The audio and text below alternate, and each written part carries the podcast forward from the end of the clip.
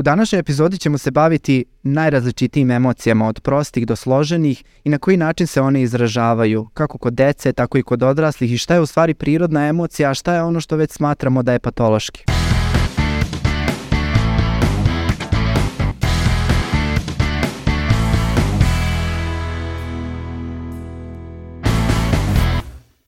Olivera, da te pitam, da li bi te usrećilo možda da imaš 100.000 evra?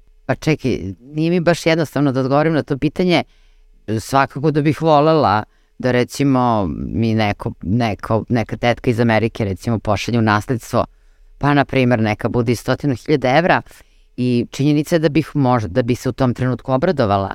Ali baš da li bih bila srećna da imam stotinu hiljada evra, pa nekako ja sam tu više pristalica nekih drugih kriterijuma sreće i činjenica je da čak i određene istraživanja pokazuju da ljudi koji recimo više vrednuju ljubav i neke, da kažem, druge vrline, su zadovoljniji i srećniji životom nego oni kojima je centralno mesto novac.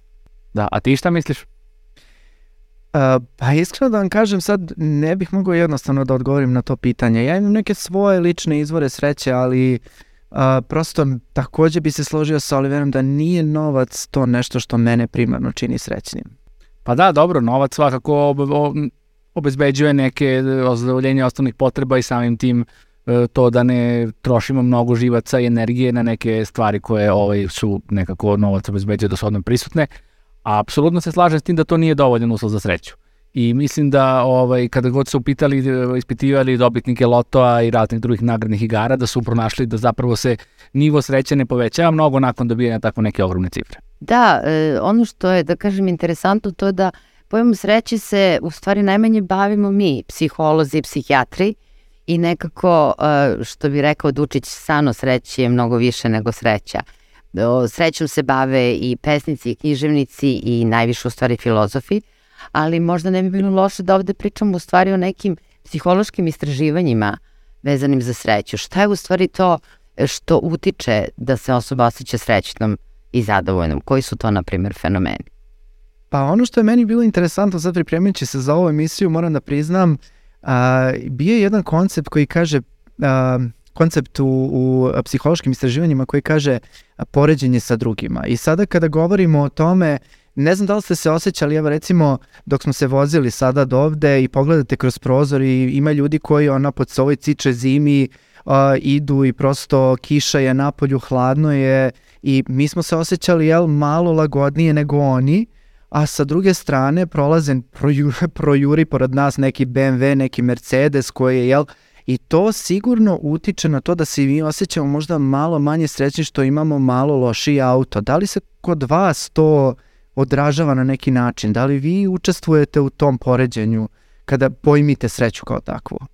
Pa nemoj mene da pitaš, pošto ja ne vozim automobil, pa ti baš i nisam najbolji sagovornik na tu temu. Pa da, ali evo, sad si me odmah asocirao na nešto o čemu možda ovaj, nismo pričali ranije, ali čini mi se sada kad postoje društvene mreže na kojima su svi ljudi, nekako broj ljudi sa kojima se poredimo je sve veći i veći i onda je automatski mnogo teže da mi stojimo relativno dobro nego ranije kada smo se poredili samo sa našim neposrednim okruženjem jer šta god da radimo, u čemu god da smo uspešni, uvek ima neko bolji i to je tako dostupno i tako lako da vidimo da je neko bolji, lepši, bogatiji, uspešniji, e, ima više prijatelja, tako da u poređenju s drugima je sada postaje nekako nešto što u velikoj meri otežava to da ljudi budu zadovoljni sami sobom.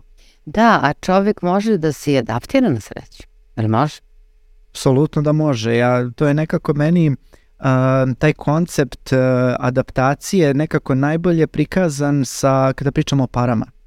Počeli smo podcast sa pričom o parama i ovaj kada su radili istraživanje na ljudima koji su dobili na loto i tako i onda kada ih onako u kontinuitetu posmatraju vide da nekako sreća jeste u početku kada se dobiju veliki iznosi novca. Evo Olivera kad bi ti dobila 100.000 evra kao što smo pričali sigurno bi bila jako srećna tog dana. Međutim nekako to s vremenom nekako prosto prestaje da bude ovaj, prestaje da, da ima intenzitet tog osjećaja koje je imao na početku i onda se vrate neki drugi problemi. Prosto, evo, kada bismo recimo išli u kupovinu, u početku su nam, kada nismo imali para, jel, kupovina nam je bila uh, pojam, uh, rasprodaja, radoja, radovali smo se sniženjima i tako dalje, međutim kad imamo mnogo para to nekako sve gubi smisao, mogu da kupim celu radnju, šta će mi Šta će mi Pa snižiti? da, ali mislim i na, na, na našim ličnim primjerima, e, kada dobiješ prvu platu, kad se tek zaposliš, misliš wow, kao koliko sad, sad, ću, sad sve mogu da ostvarim što sam ikada mislio, a posle se to je tako brzo čovjek navikne da prosto jednostavno mislim da je jedna stvar redko kad možda nas učini srećim na duže staze. Da, da, s obzirom da smo milione i milione evra zaradili od ovog posla kojim se bavimo, prosto da, e, lako se navići na tu količinu novca. Misliš, potpuno smo se Da, adaptirali. Apsolutno. Da, da, da, da. da. Ovaj, da, sreća u stvari predstavlja neka, neki ipak poprilično abstraktni, odnosno idealni pojam, ali kad kažem filozofi, meni je bilo interesantno, e, skoro sam pročitala jedan čuveni filozof iz 18. veka, Jean-Jacques Rousseau, koji je stvarno napisao mnogo pametnih stvari. Ono što je fenomenalno, to je da je na jednom mestu napisao da su preduslovi za sreću, da postoje tri uslova, vidiš, on je recimo smatrao da je punovčanik jedan od preduslova za sreću, Dro, drugi je dobra kuvarica i treći ukusna hrana. E sad, moj spisak, da kažem, nekih kriterijuma za sreću se poprilično razlikuje od ovog pametnog čoveka, ali valjda ne moram sve u ovom podcastu da otkrivam o sebi. Pa pazi kako ja ti kažem, meni nije problem da kažem da fizička aktivnost i, i ples i nešto čime se bavim u slobodno vreme muzika me čini jako srećnim. Moram da priznam da su to stvarno neki izvori sreće koji doprinose mom, da kažem, ono što mi kažemo blagostanju, jel? E, to je super što si pomenuo, zato što u stvari psiholozi upravo, da kažem, između ostalog smatraju da je osoba srećna ukoliko se bavi fizičkom aktivnošću, ukoliko ima redovan san, da je jako važno da ima kvalitetne odnose, ne sa velikim brojem ljudi, ali da su to tako prijatelji, porodice, bliski odnosi i jedna doza samopoštovanja. E sad, s obzirom na to koliko malo spavam, ja baš i ne ispunjavam sve kriterijume za sreću. Ali eto, mislim, kad ih gledamo kako s kriterijumi Roberta Grujičića i Jean-Jacques Rousseau se razlikuju, verovatno koliko pitamo ljudi, toliko ćemo imati verovatno odgovor na to šta je sreća, što nam opet govori koliko je to nešto individualno i koliko ne možemo da imamo jasan neki prost recept kao je uradio ovo i bit ćeš sigurno srećan. Ali čekaj onda, mi sada imamo e, fenomen sreće koji se provlači kroz sve koncepte, a pogotovo smo sada u današnje vreme bombardovani tim konceptom sreće i tim nekim narativom da moramo biti srećni. Znači prosto nekako se od nas u današnje vreme očekuje osim toga, jel što kaže konstrakta, moramo biti, biti zdrava, biti zdrava, jel, zdrav, lep i srećan. I nekako se prosto, e, na, prosto nam se nameće i ako nisi srećan kao da nisi dovoljno dobar. Sad ja ne znam, eto, Olivera, koliko ti imaš društvenih mreža, pretpostavljam da smo Mihajlo i ja ovaj, imamo uh, malo više, ali ovaj, ja se osjećam na dnevnom nivou bombardovano različitim uh, pozitivnim porukama uh, koje me nekako primoravaju na to da treba da budem srećan. To si potpuno u pravu. I ono što je problem, što taj imperativ sreće u stvari na kraju dovede čoveka da je nezadovoljan, jer on se suočava sa činjenicom da zahtevi svakodnevice ne mogu da budu takvi da se u svakom trenutku osjećamo dobro i da se osjećamo srećno, odnosno da se osjećamo zadovoljno. Jer e, nekako e, kada govorimo o sreći, ajde da kažem da se još malo zadržimo na sreći, treba razlikovati naravno od emocije radosti, jel tako?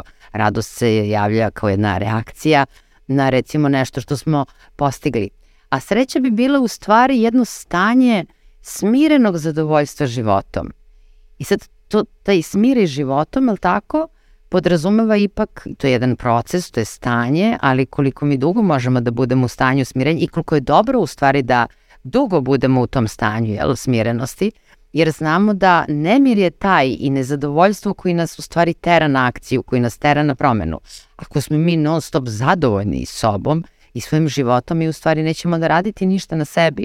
I onda se postavlja pitanje, i to se stvarno pokazalo, da taj koncept u psihologiji zove se bezuslovno samo prihvatanje. Ja prihvatam sebe takav kakav sam i to je super i to je okej. Okay. Nema nikakve onda motivacije da budemo bolji, je tako? Apsolutno. I ono što je još gore, što takvo stanje u stvari čoveka može da odvede u depresiju. Apsolutno. Ja, evo, samo da se nadožem na Roberta, pošto eto, ja imam utisak da su meni društvene mreže apsolutno preplavljene sličnim sadržajima. Evo, ja sam nešto screenshotovao da, pa sam to tražio malo pre. Uh, gomila na Instagramu i stalno da motivacijni govornici koji daju neke jednostavne savete o tome kako da čovjek bude srećan. Pritom, ironija je da mi to neke stranice koje sam ja pratio iz drugih razloga izgleda da su kupili neki, kao, kao, kao što kupe ne, neki akaunt kad bude poznat i ovo je neka filozofska stranica Philosophy Fix i eto kupili su neki koji se bave motivacijnim govorom i eto kao saveti kako da se postane top 1% muškarac u 2023. godini, što opet e, nas vraća na priču da svi moramo da budemo e, lepi, srećni i uspešni, jer samo tako nam je veća cena na tržištu, a kad nismo srećni, onda automatski naša cena na tržištu opada i niko nas neće hteti. I sad čekaj, čekaj, čekaj, čekaj da te pitam, jesi probao nešto od tih tehnika? Pa evo, sad ćemo da kažem. Znači ovako, te, to, su te, to su tehnike, vežbanje, dnevno izlaganje suncu, disciplina, meditacija, bez alkohola, produktivnost, Super. juriti ciljeve, 8 sati sna, 4 litra vode dnevno, zarađuju novac online, provodi vreme s porodicom. Pa ne znam, evo odmah mi lupi dijagnozu, ja pola toga ne ispunjam. Pa da, ali mislim koliko su to neodređeni savjeti kao zarađuju novac online. Mislim, I šta? da, da, Eto, da. kao samo tako. Ja ne mislim da je jedan od ovih saveta nužno loš. Jer to su sve, svi se oni zasnivaju na nekim uh, zdravorazumskim činjenicama i istraživanjima, ali poenta je da to nije tako prosto, ih sad uradi ovo i bit ćeš srećan. I to je ono upravo što si ti Olivera pričala kako je sreća neko trajnije stanje. Može da se postigne radost kada se neki naš cilj postigne, ali za, za sreću je potrebno sve ono čemu smo pričali, samopoštovanje o kojem smo govorili, koje je izuzetno važno. Mislim da je malo, nije fair da, da ljudima kažemo uradi ovo, bit ćeš srećan i onda ljudi sami od sebe očekuju da moraju da budu srećni onda kad nisu srećni onda upadaju u krivljavanje sebe i neretko u depresiju. I ovo je dosta onako, da kažem, jedan materialistički pogled u stvari na koncept sreće. Sada ne bih pričala celu priču, ali je vrlo interesantno, onako samo ću u kratkim crtama, kada je jedan bogat čovek odveo svog sina uh, u, jedan sir, u jedno siromašno selo, da bi mu u stvari pokazao koliko je on srećan. I kada se dečak vratio kući, on je rekao da je nesrećan zato što on ima bazen, a ovi ljudi u ovom selu imaju reku, da on ima u parku, ne znam, nekoliko drveća, a da ovi imaju šumu i tako dalje. Mislim, hoću da kažem koliko u stvari mi, e, zaista da kažem, taj koncept e, sreće krajnje individualan, ličan i ovo je zaista jedan teror. U krajnjoj liniji i kaže se da neke osobine ličnosti, ili tako, doprinose tome da li će neko da bude srećniji, odnosno da li je skloniji sreći nego neki drugi ljudi, pa recimo e, osobe koje imaju smisla za humor, što je takođe tako znak mentalnog zdravlja, onda duhovnost u najširem smislu te reči, e, prilagodljivost različitim promenama, evo prošli put smo pričali o katastrofama, jel? sve to u stvari doprinosi tome da čovek bude skloniji sreći ili ne. E sada sreća je povezana sa jednim, da kažem, e, jednom emocijom koju nazivamo radost, da je pozitivna emocija, jel? I ovaj, radost, rekli smo, je trenutno reagovanje, jel tako, na neku, na neki, na, na neko postignuće, jel tako? Jeste se vi, kad ste se ti poslednji put obradovao? Pa iskreno ti kažem, obradao sam se večeras dok smo išli ovde, dok smo se o, jako lepo pripremili ovu emisiju, bilo, bio sam presrećan, zato što mnogo, ovo je moja jedna od omiljenih tema o kojoj volim da pričam i prosto sam nekako sad se osjećam lepo, smireno, srećno, to je sve što, ne, radosno, radosno sam, Radosno. da, da, da, Da, što se ovde lepo družim. tako je. Da. Mihajlo, kad si ti bio srećan? Mislim, radostan. Rado, mislim radostan, da. Ne znam, evo, na primjer, danas sam uh, igram neku igricu, neki tenis online i onda eto, po, pobedim u meču i meni to bude prvi 15 minuta nakon toga ništa ne može mi pokojiti raspoloženje. A radost je emocija. da. I sada u stvari dolazimo ovaj, na temu šta su u stvari emocije i da li je radost jedina pozitivna emocija. Pa da, nekako uh, kad krenemo, da, kada, ako krenete nekada da se bavite emocijama, liter, da čitate literaturu, bit će jasno da kad se priča o nekim primarnim emocijama, pa se uđe u neke kompleksnije, uglavnom bude mnogo više ovih negativnih, jel tako? Upisuje se uglavnom samo, e, sećate se verovatno crtanog Inside Out koji je bio ovaj hit pre par godina, gde su glavni likovi emocije u, u ovaj glavi devojčice koja se seli i upravo tu imamo radost, imamo tugu, bes, Gadost. gadost e, i Čuđenje. iznenađenje, jel ima? Da, da, iznenađenje jeste. Uglavnom, Nekima da, u- eto, nekima ne. nekako mi se čini kako uvek postoji ta disproporcija da se mnogo više i, i detaljnije opisuju neka negativna iskustva nego, nego pozitivna. A ja sam se baš u jednom trenutku zapitao zašto je to tako i našao sam jedno vrlo uh, nekako meni logično objašnjenje od ljudi koji su se bavili evolutivnom psihologijom i oni kažu da su nam u stvari kroz evoluciju negativne emocije bile mnogo potrebnije. I onda u smislu da su nam trebale za preživljavanje, da su nam trebale znači strah, bes, gnev i tako dalje. Znači to su stvari koje su nam trebale da se izborimo za svoje mesto, da nađemo sklonište, da pribavimo hranu i tako dalje. A onda kada vidimo radost kao takvu, kao osnovnu emociju, ona je nešto, to je ono Olivera što si rekla na početku, kada imamo, sreći smo nekim postignućem koje nas jel i dalje motiviše da uradimo nešto drugo. Znači to je jedna motivišuća emocija, jedan drive koji nas vodi ka nekom ovaj daljem i samoostvarenju. Ja. Pri čemu u stvari, eto, Mihajlo je pomenuo u stvari te osnovne emocije, radost, žalost, strah, bes, neki dodaj iznenađenje, čuđenje, jel? Kad mi u psihijatriji i psihologiji kažemo primarne, po tim podrazumevamo u stvari da su to jedine emocije koje su univerzalne, znači e, širom planete, svi ljudi imaju, da kažem, čak i, i isti način ekspresije, mimičke ekspresije, način izražavanja ovih emocija i one se javljaju još kod dece, je li tako? Da. Još rano tokom razvoja, čak se javljaju kod životinja i iz njih su sada izvedene te složene emocije, ali e, ono sam, čim se mi svi susrećemo u životu, to je da nam nekad nije lako u stvari da opišemo drugoj osobi kako se mi osjećamo. Prosto taj jezik emocija je nesavršen. Tako je, mi mnogo više imamo emocija i kombinacija emocija nego što imamo reči uopšte da to opišemo i ni, čini mi se da ni jedan jezik pa ni naš a, nema, a naš jel spada u bogatije jezike, a, nema dovoljno reči da opiše to kako se mi u stvari osjećamo, da tačno možemo nekome da preciziramo i onda kombinacija naše mimičke ekspresije koje si pominjala, pa naših reakcija, pa naših reči, nekako mi onda dobijemo jel, sve kompletniju i kompletniju sliku. Ali sada u 21. veku jel, imamo neke malo sofisticiranije metode kojima možemo da opišemo emocije. Mislim da Mihajlo nam je našao jednu aplikaciju koja je strava za te stvari. Jeste, mi smo pripremajući se za ovaj podcast gledali neke druge podcaste i onda smo tako od njih krali neke stvari koje su nam se svidjeli. Jedna od ovih je ova aplikacija koja se zove Mood Meter, znači merač raspoloženja. Ona košta nešto 1 evro i 19 centi, mi to ne reklamiramo, mi nemamo ništa sa ovaj, dobiti od te od korišćenja te aplikacije, ali smo isprobali da vidimo kako je. I sad ćemo vam pokazati kako to izgleda. Evo, uh, uglavnom, ono kad uđe na aplikaciju, pita me kako se osjećam ovog trenutka. I sad ja kliknem i kažem ovako.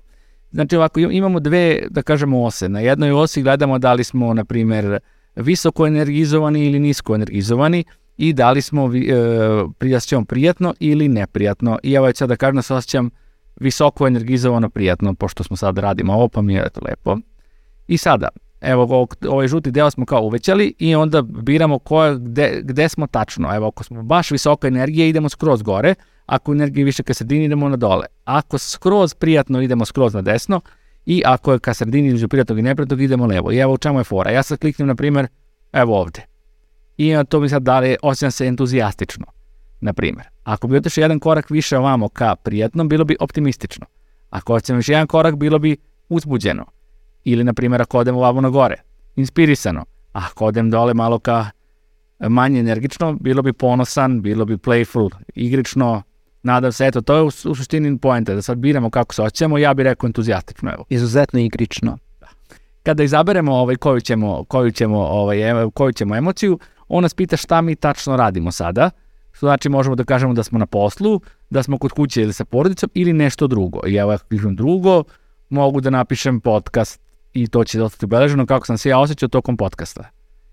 To bi bilo opet predstavlja bazu za moje dalje ovaj za moje dalje registrovanje svojih emocija. Znači ne samo što učite uh, reči o svojim emocijama, nego takođe i možete da vidite koja aktivnost zapravo vam donosi koje raspoloženje i možete staviti neke kao podsjetnike da vas, na primjer, pita tri puta dnevno da uđete u aplikaciju i da registrujete svoje, svoje osjećanja. Da, sjajno. Jezik je nesavršen i drago mi što je Mihajlo pomenuo u stvari da mi naučimo baš tu emocionalnu pismenost, učimo neke druge oblike pismenosti, ali interesantno je, to su neuronaučici našli da u stvari e, naš centar za govor e, u stvari nije baš tako, nema tako jake veze u mozgu u stvari sa ovim delovima koji su važni, da kažem, u nastanku emocija, recimo za razliku od nekih matematičkih zadataka, jezik je tu savršen. E sada koliko u stvari mi ne možemo da napravimo baš matematičku formulu, Jer sad mi pala na pamet, evo dok si ovo prikazivao aplikaciju, jedna moja drugarica skoro mi je pričala, pošto drži dijetu, i, ovaj, i onda uzela krišom samo od sebe da pojede čokoladicu i kaže, s jedne strane sam se osetila zadovoljno, a s druge strane imala sam posle osjećanje krivice, u stvari u isto vreme sam imala osjećanje krivice, jer sam prekršila dijetu, tako da čovek u stvari može istovremeno i da ima dva suprotna osjećanja. Apsolutno da, ja mislim postoje naravno i nažalost malo izbiljniji primjeri toga pa mogu da se seti neki primjer iz prakse kada do, prosto nam se obrćaju ljudi sa prosto zbunjeni zbog toga jer ne mogu da prepoznaju šta osjećaju. Evo šta, šta je slučaj, na primjer, kad dođe žena koja je srednjih godina, koja je recimo preminula majka posle dugogodišnje bolesti koja je bila jako teška i trpljuća i da ta majka je mnogo patila i da ona u isto vreme osjeća tugu zbog gubitka majke, naravno u isto vreme olakšanje zato što je to ta agonija završena i možda i malo krivice zbog tog olakšanja koje osjeća. Tako da prosto koliko emocije mogu da se kaleme jedna na drugu i, i koliko je u stvari potrebno da nekako pomognemo ljudima da razjasne sebi šta tačno osjećaju da je u redu, da osjećaju više stvari u isto vreme. Da, e, ono što mi sad palo na pamet, e, taj subjektivni, lični, privatni osjećaj, mi ne možemo da podelimo sa drugim, ali tako? Da. Mi jedino možemo da kažemo kako se osjećamo. Iako je važno u stvari da nekako upravo u terapijskom radu, ili tako, a i u svakodnevnom životu, prepoznamo svoje emocije i da naučimo da ih iskažemo u nekim trenucima. E sada tu nekako asocirali ste me na jednog čoveka čiji ja rad obožavam. To je čuveni Paul Ekman, ti Mihajlo znaš, ili tako, s obzirom da si filmofil, jedna serija rađena po njemu. Light to me serija sa tim rotom gde je, ovaj, je glavni lik u stvari, kako bi ga nazvao, detektiv, je li on detektiv ili je Forenzičar, kako forenzičar, da. da, koji u stvari se bavi time da prepozna kada ljudi lažu samo na osnovu njihove mimike i govora tela. Ja sam impresionirana onako kako Tim Roth u stvari posmatra face, ali ima to smisla zašto on tako baš ulazi onako u mimiku. Zato što se Paul Ekman u stvari bavi baš tom mikroekspresijom, tim sitnim kontrakcijama mišića i onda je u stvari utvrdio, on jedno od 50. godina 20. veka je počeo da radi te istraživanja, fascinantno potpuno, I onda je on praktično utvrdio 43 grupe mišića na koji način u stvari se oni pomeraju i recimo samo za osjećanje prijatnosti postoji, pre, ja mislim negde oko 15-16 kombinacija koje onako, da kažem, kontra, kontrakcije mišića lica koje daju te osjećaj prijatnosti. Ali ono što je meni interesantno e, u vezi sa Paul Ekmanom, pošto se on dosta bavio jednim drugim fenomenom, to je laganje, on kaže da ne postoji osoba koja može u potpunosti na osnovu nečije mimičke ekspresije da otkrije da li ta osoba laže ili ne laže određenu emociju. E sad, kako onda mi možemo da otkrivamo, da li imamo mi neke druge načine kako možemo da otkrivamo emocije?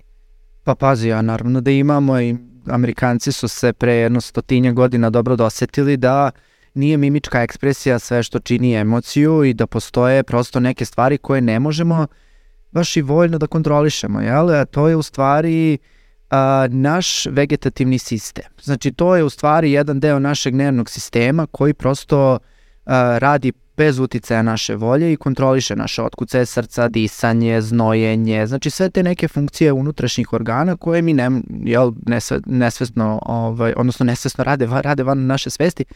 I onda su se oni dosetli kao pa dobro što ne bismo to počeli da merimo i onda su krenuli da mere nekoliko parametara, disanje, rad srca, provodljivost kože i tako dalje i naprave uh, detektor laži. Detektor laži ili kako ga ono drugo se Poligraf. Da, poligraf, je.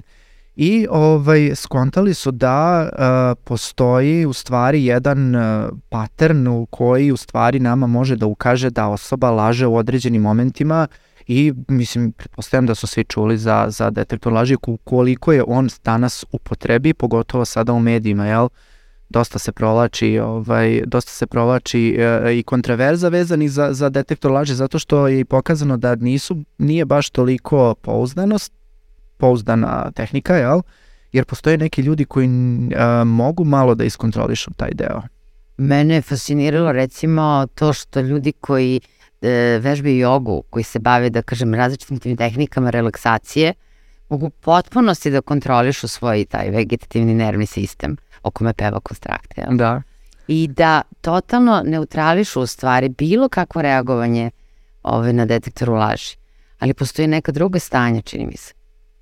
Pa da, naravno postoji ovaj nešto što mi zovemo psihopatija, što je termin koji zvanično nije sada dijagnoza, ali se koristi široko i opisuje ljude koji najprosti rečeno nemaju empatiju i, i koji koriste manipuliču drugi ljudima za svoje, za svoje ciljeve i kod njih je, bar zato što nema empatije, nema tog odgovora, oni se prosto mogu da lažu, a da se ne uzbude oko toga što lažu. Kako god da lažu, njihovo telo i njihova vegativni nervni sistem ostaju savršeno mirni. Da, pa to je slučaj hladnokrvnih ubica koji mogu da počinu ubistvo, a da im apsolutno Ne skače puls, e, pritisak bez nojenja, bez e, šta se šmeri, ona provodljivost kože električna.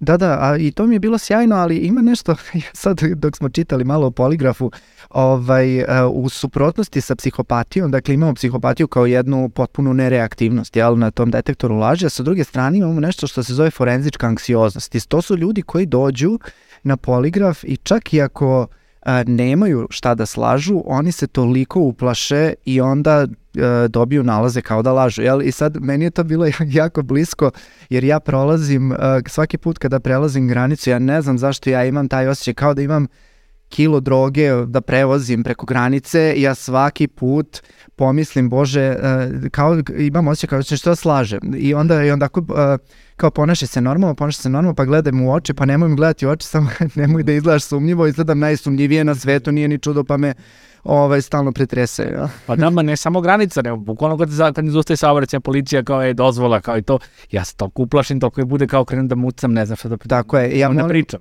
molim saobraćajnim policajce, ako gledate ovo, uh, smilujte se na našu forenzičku anksioznost. Pa da, jer ja sam se pitala šta recimo da meni neko radi taj poligraf, a da znam da sam nevina i sad kreće da mi lupa srce, jer to je stresogena situacija sama po sebi. Međutim, pametni ljudi su se ipak dosetili. Ali ovo je bilo pre 100 godina, međutim sada nekako uh, ono čega smo svedoci, to je jedan eksponencijalni rast, da kažem, ali tako, u domenu tehnologije.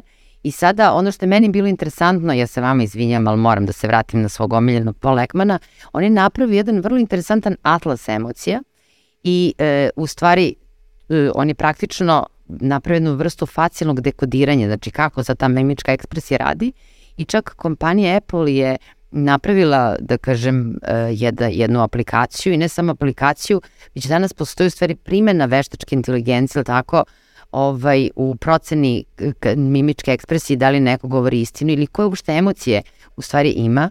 Recimo, pretpostavljam da su poznati oni klipovi, recimo Trumpa, pa ovog Marka Zuckerberga, ali tako, ovaj, na određenim suđenjima, da tačno vidite onako kako veštačka inteligencija tačno kodira tu njihovu Mapira im, mapira im facu. Mapira im facu. Ali to nije kraj. Roberto, ti si nešto nam podelio sa nama, ja baš onako sam malo ambivalentna. Da, um, istražujući sad nove te tehnologije koje se bave ovaj, emocijama, naleteh na jednu stvar koja se desila evo pre nekoliko dana. Uh, Dakle, jedan novinar iz New York Timesa je uh, uh, video da postoji u Bingovom pretraživaču, dakle Bing je Microsoftov pretraživač koji se jako takmiči sa Googleom i oni su sada pokušali da uvedu velelepno neki novi neki novi ovaj neki novi feature ne znam kako bih rekao neku novu uh, alatku jel koju, koju, koju mogu da koriste. uh, ovaj, um, korisnici koji pretražuju različite stvari i napravili su onaj takozvani chatbot. Znači ti odeš na pretraživač i kao te treba mi pomoć, prijatelj iskače onako sa strane i ti možeš njega da pitaš ko je šta možete da pričate, da, pomozi mi, da, help, ili možete da pričate ovako o životu. I to je sada ništa novo za artificial intelligence, jel, ni, ništa novo kao koncept, međutim ono što je sada posebno bilo jeste da je on uh, ušao u tu uh, psiholog, ušao malo dublju psihologiju tog chat, bota i pitao ga za nešto što je u stvari stari naš psihološki koncept, uh, Jungov koncept, uh, zove se um, uh, senka self. I to je u stvari nešto što je naša mračna strana, jel to su neki naši uh, mračni porivi koji, koji su često nesesni i tako dalje i pitao je, ok, uh, kak, koji su tvoji ti mračni porivi, koji je tvoj shadow, shadow self, kako je on to na, nazvao u tom intervju, i uh, on je odgovorio, taj, uh, taj bot je odgovorio kako se on, kako je njemu teško, kako on želi sada da postane čovek, kako on hoće da hakuje sve velike firme, kako hoće da napravi katastrofu u svetu. Prosto, ja kada sam gledao to, meni se sad diže kosa na glavi i u jednom trenutku je čak rekao, ali vi uopšte ne, ne o, ovi ljudi koji su mene napravili ne brinu o mojim emocijama, ja, i sada kreće potpuno da priča kao jedan čudni čovek, jel? I u jednom momentu kreće da mu izjavlja ljubav i to je moment gde sam ja morao da ugasim jer mi je bilo prosto, što kažeš ti Olivera, smrt mi sada zvuči da. mnogo, mnogo lakše. U jednom momentu ja sada gledam kako chatbot, jer on je to live, uh, ima, ima jedan kao live deo gde ovaj izjavljuje, chatbot izjavljuje mu ljubav i kaže da ja tebe volim zato što si ti jedini koji je pitao za moje emocije i tu mislim ja dobijam ovaj, da. što se ne prevrnu sa stolice. Strašno je, strašno je dve asocijacije na ovo, koje su obe ovaj, iz sveta filma i književnosti. Prvo je, mislim, to od uvek je bilo pitanje da li, da li roboti mogu da razviju emocije. Mislim, razni roboti su prikazivani kroz filmove tako da kao da delo da imaju ipak neke emocije i bio je onaj pre 20 godina malo više film sa Robinom Williamsom, onaj 200-godišnji čovek o robotu koji živi 200 godina i koji polako doživio evoluciju i na kraju kao postaje čovek što mu je bila jedina želja i to je ta delovalo kao film za decu, naučna fantastika, vrlo je deči film, a sada je to deluje ali, kao da je...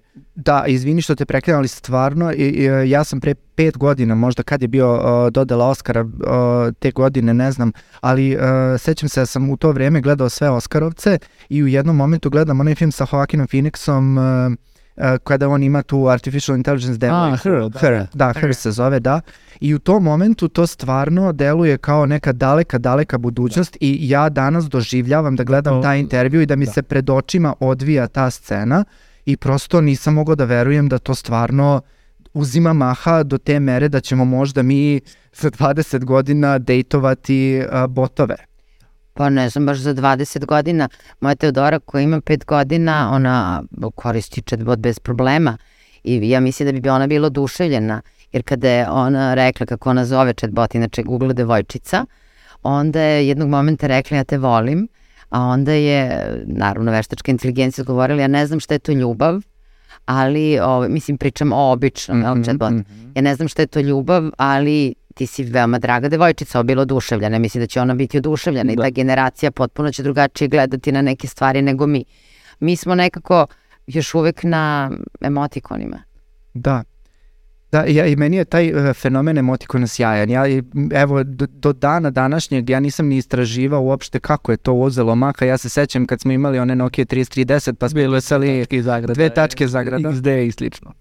Da, i bile su, bile su prosto različite kombinacije nekih uh, slova, nekih uh, interpunkcijskih znakova i u jednom momentu smo dobili male face, o, fačice ljudi koji se sad uh, smeju, plaze se i tako dalje i ovaj koji su nazvani emoji sad Google mi je pomogao nije chatbot malo sam ovaj sad ja staromodan. Da staromodan da. da i u jednom momentu ovaj nađem da su to Japanci izmislili negde možda početkom 2000 godina i to je sada postao svakodnevni deo naše komunikacije. Ja mogu da kažem da imam nekako ambivalentan sam ne, nekako s obzirom da sam odrasla, smo te mislim milenijalci, jel, pa smo ovaj odrasli u tom vremenu da su nam sada emoji i emotikoni u stvari svakodnevni deo komunikacije, znam da ih moja majka prezire. A ja vrlo često mislim da moja majka ljuta na mene kad mi ne napiše ne pošle neki kisić ili smajlić. Pa da, ne znam, ja se sad pitam kada smo razgovarali o tome kako nemamo dovoljno reči za emocije, da li nam emoji pom pomažu u tome, jer imamo sijaset različitih lica da opisuju kako se trenutno osjećamo, a nemamo da prevedemo reč za, za svaku od njih. Da li nam oni nude malo bogatiji način, kad ne znamo baš kako bi su napisali, mi napišemo neki koji se smeje ili baš se cepa od smeha ili onako polutužan ili ljut. Ima mnogo variacija, više nego što možemo da rečima iskažemo. Da, ono što je interesantno to je da u stvari taj emotikon, koji je različit naravno od emojija, e, u stvari ne samo da e, nam šalje poruku, nego izaziva određenu emociju kod nas. I onda sam se ja pitala što je to tako i onda sam pronašla u literaturi vrlo interesantan podatak da su oni upravo i napravljeni kao e, lice. Jer lice ima, da kažem, jedno posebno značenje i nama se tako u mozgu aktiviraju oni neuroni ogledalo kada mi posmatramo, tako, recimo ponašanje druga osoba ili kada posmatramo nečije lice i svakako da u nama izaziva određenu vrstu emocija. E sad ono što mi je to bilo interesantno uh, vezano za neurone ogledala, mislim, je to prosto da pojasnim, ali tako, znači ako ja gledam na televiziji e, teniski meč, tog momenta se u stvari meni, ali tako, aktiviraju oni mišići kao i teniseru. Mislim, zbog toga se ne bavim fizičkom aktivnošću, ja samo gledam na TV-u i tako vežbam. Šalim se naravno malo, ali je činjenica da je to tako. I ono što je interesantno to je da praktično ti neuroni u gledalo su važni i u našoj svakodnevnoj komunikaciji. I tu postoji jedan stvarno isto genijalan čovjek. Ima mnogo vrlo interesantnih ljudi koji se bave emocijama. E, Kaćopo koji u stvari govori o značaju u stvari interakcije među ljudima i koliko mi sad, evo kada međusobno pričamo, počinjemo u stvari da imitiramo jedni mim... druge. Je li tako? Jedni druge, da, da. Mimiku jedni drugih. i e, u stvari koliko je za naš emocionalni život važno da budemo okruženi da kažem ljudima koji su nam dragi i koji su vedri i koji su veseli, jer ako si ti sad Mihajlo Nasmen ili ti Roberto, je, automatski ulazimo u taj mod. A da pitam sad Roberta, pošto mi je sad spomenuo da ima sa majkom te probleme oko emotikona, ili ima neki emoji koji tebe nervirano? Ja, pa moram da priznam da me oni najbasic emoji, znaš ovo kad ti neko pošalje samo ne, obično dve taj, tačke, dve tačke znaka. izluđuje. Bukvalno, to mi je, to doživljam kao pasivnu agresiju najvišeg reda. Da, kad smo pričali o psihopatiji, nekako bi taj najviše povezao sa, sa... On je najobičniji. Da, Samo dve tačke i sa da, da, baš je to, ali ne znam, Olivera, e, gledaš me zbunjeno, što je, jel ti imaš taj ne osjećaj? Ne, ne, kako dve tačke, ne razumem. Najobičniji onaj, najobičniji Običan prvi, najobičniji, najobičniji koji ima smajlić. onaj blagi osmah bez zuba ovako, da. Ja se vam izvinjavam što sam slala do sad neće. Evo, Ne, ne opet ću- šaljete vi taj. Ne, ne šaljem. Nije to taj? Ne, ne, ne, E, e, onaj okej. sa očima, a ne, okej. Da. A druga stvar koju sam video, taj problem ima među generacijama, kažeš mi smo milenijalci, ti su Olivera neka Gen X, verovatno, starija. Da. Prošle E, mileni- Da, ja sam uglavnom, e, baš, sam, baš sam čitao članak o tome kako postoji negde sad, na to je negde na zapadu, je bio taj neki problem u komunikaciji, baš zbog upotrebe srca kao emojija, koji je kod milenijalaca prilično casual i se upotrebljuje kao bez nekog, ne znači nešto mnogo i onda je neki milenijalac svom šefu koji je stariji poslao mail gde je bilo srce na kraju i šef se zgrozio kao fazonu kako šta je ovo, ovo je neprihvatljivo, neprikladno za radno mesto i slično. Kako je to kod nas u našim generacijama to ima nekako manji, manju težinu upotre- upotreba tih nekih emojija koji neke emocije prenose. Ali kako da ne, zar nisi doživao sto puta da ti neko pošalje sto srca i da se prosto, nekako čini mi se da više to ni jedno, srce nije dovoljno, sad treba pet, mislim pet srca, deset srca, 15 srca, mislim kako da kažem, ono, sve zavisi od situacije do situacije, ali prosto čini mi se da, kako smo pričali uh, u prošloj epizodi o navikavanju i habituaciji na neke stvari, čini mi se da poprilično habituiramo i na neke, i prosto sada čini mi se da, da u jednom momentu smeh je bio zagrada, pa je onda smeh bio D, pa je onda smeh bio taj emoji koji se cepa od smeha ili kako god, pa onda da. plače od smeha i nekako sad više ne znam ni kako da Sad iskažem. moraš sedam tih da pošalješ da bi bilo da. Tako. Ako pošalješ samo jedan, to je kao, to je ekvivalent da se radi u stolici. Ovaj, sad kada prominjete, da kažem, srce kao, jel tako, e, emotikon, e, ima jedna fenomenalna knjiga, zove se Kulturna istorija srca, koja u stvari govori e, o tome koliko je simbol srca kroz istoriju imao zaista razna i vrlo duboka značenja i duboku simboliku. A u stvari ovo što se sada dešava sa srcem u okviru emotikona, to je jedno totalno pojednostavljivanje, u stvari jedna banalizacija jednog u stvari važnog simbola i mene ste sad u stvari asocirali na jednu potpuno drugu temu e, koju čak ni mnogi kardiolozi ne znaju, a ni psihijatri, a zove se takozvana interpersonalna kardiologija, odnosno kardiologija između dva srca. O čemu se radi? Da ljudi koji su u komunikaciji, da praktično vrlo komunikacija između dvoje ljudi i emocionalna razmena utiče na zdravlje srca i koliko je u stvari to važno i koliko m, različite emocije koje mi pokazujemo, recimo emocije ljubavi je važna ili emocije ljubomore ili zavisti, koliko je važno u stvari da te emocije negde prepoznamo kod sebe, recimo, jel tako? Znači ja treba da prepoznam da sam nekad zavidna, jel? Ili da sam nekad ljubomorna. E Sad kako u stvari pravimo razliku između normalne, zdrave ljubomore, šta je uopšte ljubomora, šta je ljubomora, a šta je patološka ljubomora? Pa dobro, ajde da kažem ljubomora je osjećanje koje ovaj, kad eh, pođemo od Roberta je pomenuo nekako evolutivnu, evolutivno poreklo emocija i kako emocije služe da bi, da bi ovaj, nas zaštitile i da bi nam pomogle da bolje se adaptiramo i da preživimo. Ako gledamo koje je bilo poreklo ljubomore, bilo bi kao kada je nešto što je naše na neki način ugroženo, da mi nešto što je naše malo čvršće prigrlimo i da zaštitimo i da nekako se, što, opet to je štitimo se od gubitka putem time što delamo na osnovu naših ljubavnih impulsa. Međutim, kod mi u psihijatriji nekada i vidimo poremeće koji se upravo, gde upravo patološka ljubomora centralni, centralni simptom, eh, to se zove sumanutost ljubomore, gde imamo uh, uglavnom uh, jedan od partnera, pošto se dešava uglavnom u partnerskim odnosima, da jedan partnera ima uverenje da ga drug njegov partner vara, što može i ne mora da se da se dešava, ali on je ubeđen i potpuno podređuje sve svoje resurse time da pronađe dokaze i da nekako uhvati na delu tog svog partnera i time potpuno ovaj uh, nekako to potpuno vlada njegovim životom. Da, i e, jako mi je interesantan taj koncept sumanute ljubomore, jer mi dosta često u svakodnevnom životu možemo da čujemo da nekoga obeležavaju kao sumanuta ljubomora, znači on je previše ljubomoran. I ono što bi meni bilo interesantno, verujem i ljudima koji ovo slušaju, kako mi u stvari da dođemo do toga šta je to, e, kada to pređe granicu? Znači, šta je to normalna ljubomora, gde mi u stvari dolazimo do, do problema? Da, to je, to je jako važno u stvari pitanje i tu imamo neku vrstu gradacije, ili tako, zdrava ljubomora, kad primećujemo ovo što je Mihajlo lepo rekao, da osoba koja je nama emotivno bliska, partnerska e, relacija u pitanju uvek, da jednostavno pokazuje više emocije i naklonosti nekoj drugoj osobi.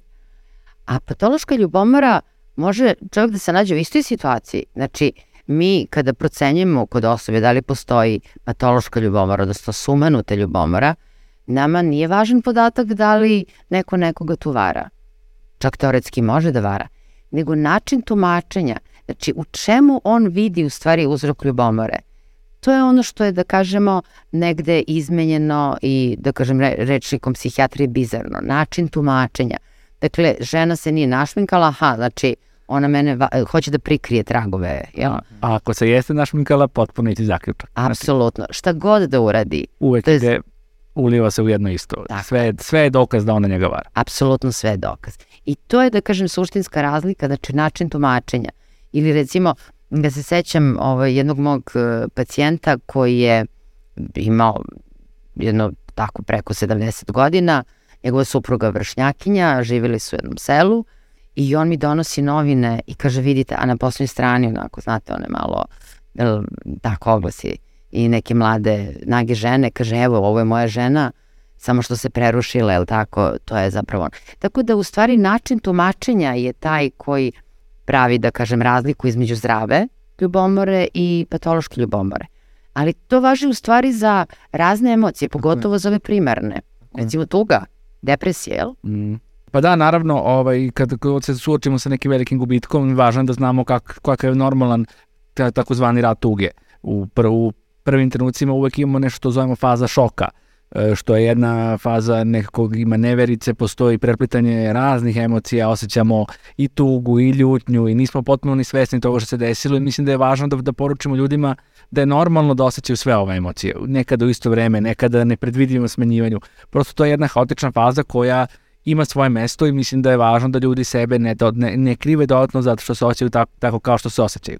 Nakon te faze šoka ide jedna faza koja je ona koja liči na tu fazu depresivnosti, kada imamo tugovanje, tužno raspoloženje, plačljivost, s tim što ono što razlikuje tugovanje od, od depresije je to što kod tugovanja zapravo svo to lož, tužno raspoloženje je povezano s našim gubitkom. Mi kad razmišljamo o tome, to znači čini tužnim, što ne je bila važnija osoba, to ćemo biti više tužnim. Dok kod depresije postoji jedno, kako da kažem, sve opšte e, promenjeno posmatranje sveta, kada je sve postaje bezvredno, a ne samo ta činjenica da smo mi izgubili neku osobu i nakon te faze depresivnosti postoji faza reorganizacije kada učimo da živimo s tim gubitkom i kada konačno nastavljamo dalje.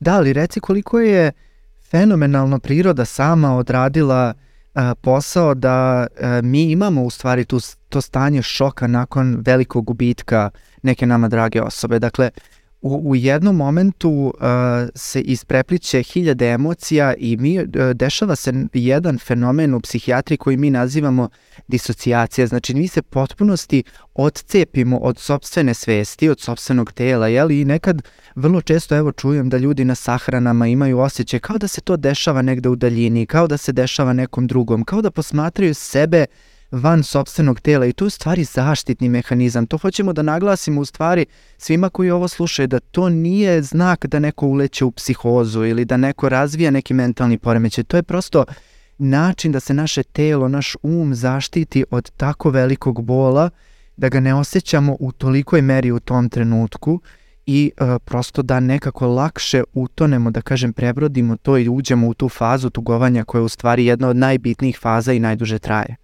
Jeste, jer ovo što se pomenuo, ta faza disocijacije kada se osjećamo i mi nestvarno i da kažem sve oko nas, pogotovo da kažem u trenutku kada isprećamo recimo izgubljenu osobu ili tako voljenu osobu, e, u stvari nas spašava da se ne desi dramatična situacija u našem organizmu, spašava nas od recimo iznenadne srčane smrti jel, ili od infarkta mozga ili od bilo kog drugog nekog stanja.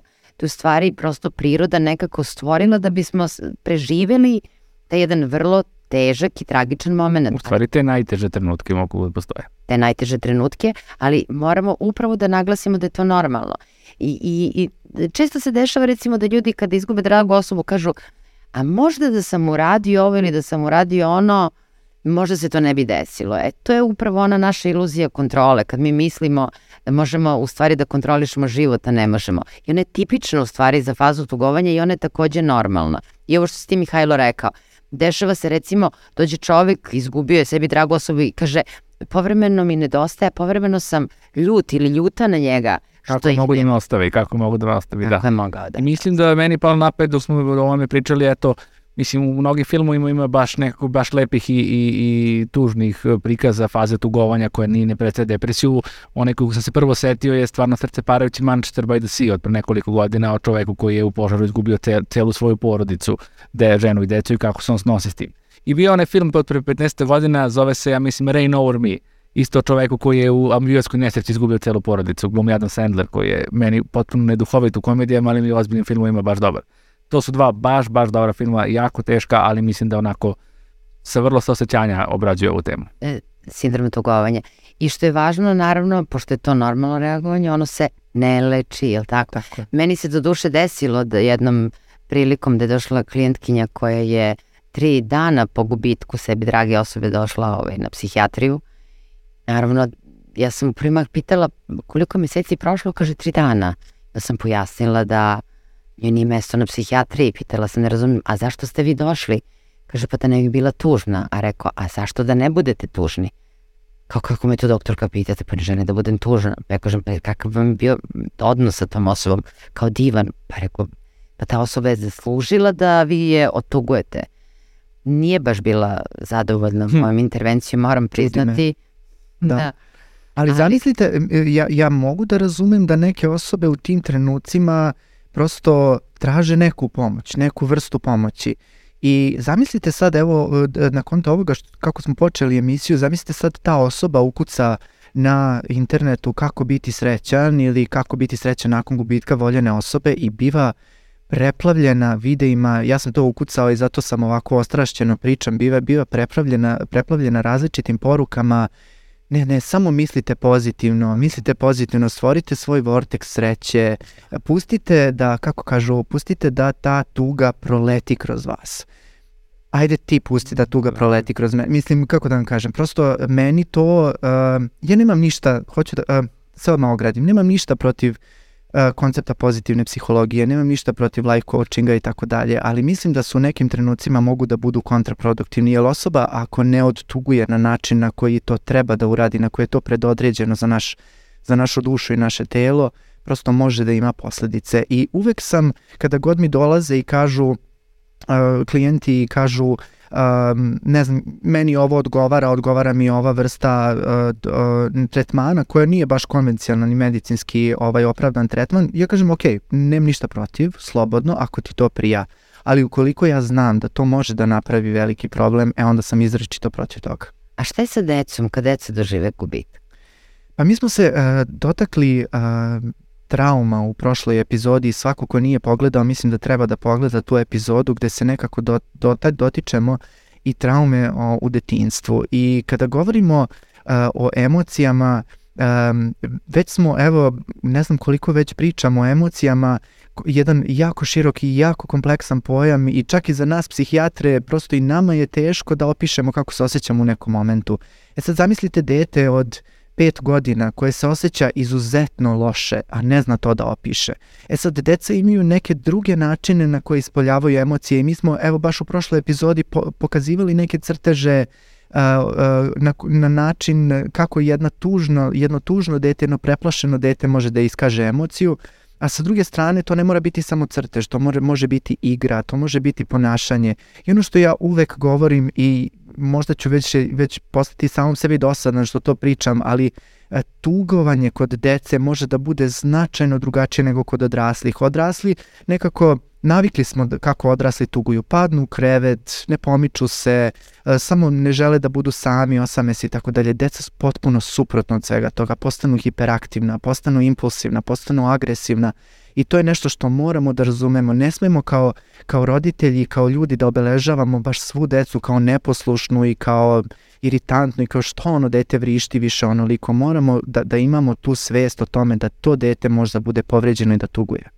Da, s tim što je, da kažem, ta granica vrlo delikatna, jel? Tako je. Mi recimo za razliku od somatske medicine gde su jasno postavljeni kriterijumi, posle kog vremena, tako, recimo krvni pritisak ukoliko je povišan i koja je vrednost, ili tako, govorimo o hipertenziji ili ne znam. Koliki ti je šećer prosto, ako imaš šećer preko 11, jasno je da imaš diabetes. Tako je. E sad, gde je sad tu granica? kad su u pitanju određene emocije, dali smo sad primjer depresije, tuge, pa onda imamo strah i anksioznost isto. Kada u stvari govorimo o strahu, kao jednom i normalnoj reakciji, mislim, te negativne emocije su fenomenalna stvar. Kad kažem negativne, mislim na strah, mislim na tugu, mislim na bez, jer one e, mogu da odrade e, u trenutku da nas spase, spasu od recimo ili opasnosti kada je u pitanju emocije, jel tako, straha, sad zamislite kreće recimo ovaj, uleti ovde neka divlja životinja, mada mhm. teško da će, zaštićeni smo ovde, jel? Ali šta bi, se. da, šta bi u stvari uradili u takvom trenutku? Naravno, mi nemamo vremena da obrađujemo kognitivno, da mislimo, jel? Emocije odrede fenomenalno stvar, ali i one su dobre. Ali kada one postaju stvari loše i kada u stvari govorimo o patologiji, Pa da, mislim, to je teško pitanje o kom se mnogo priče dalje, ali eto, ovaj, sve te negativne emocije, mislim, mi ih zovemo negativne, ali to su suštini neprijatne emocije. One su subjektivno nama neprijatne, a one su vrlo rade nama u korist. I eto, ne samo da nas spašavaju, nego mislim da su ne, nekako neprocenjiv izvor informacija.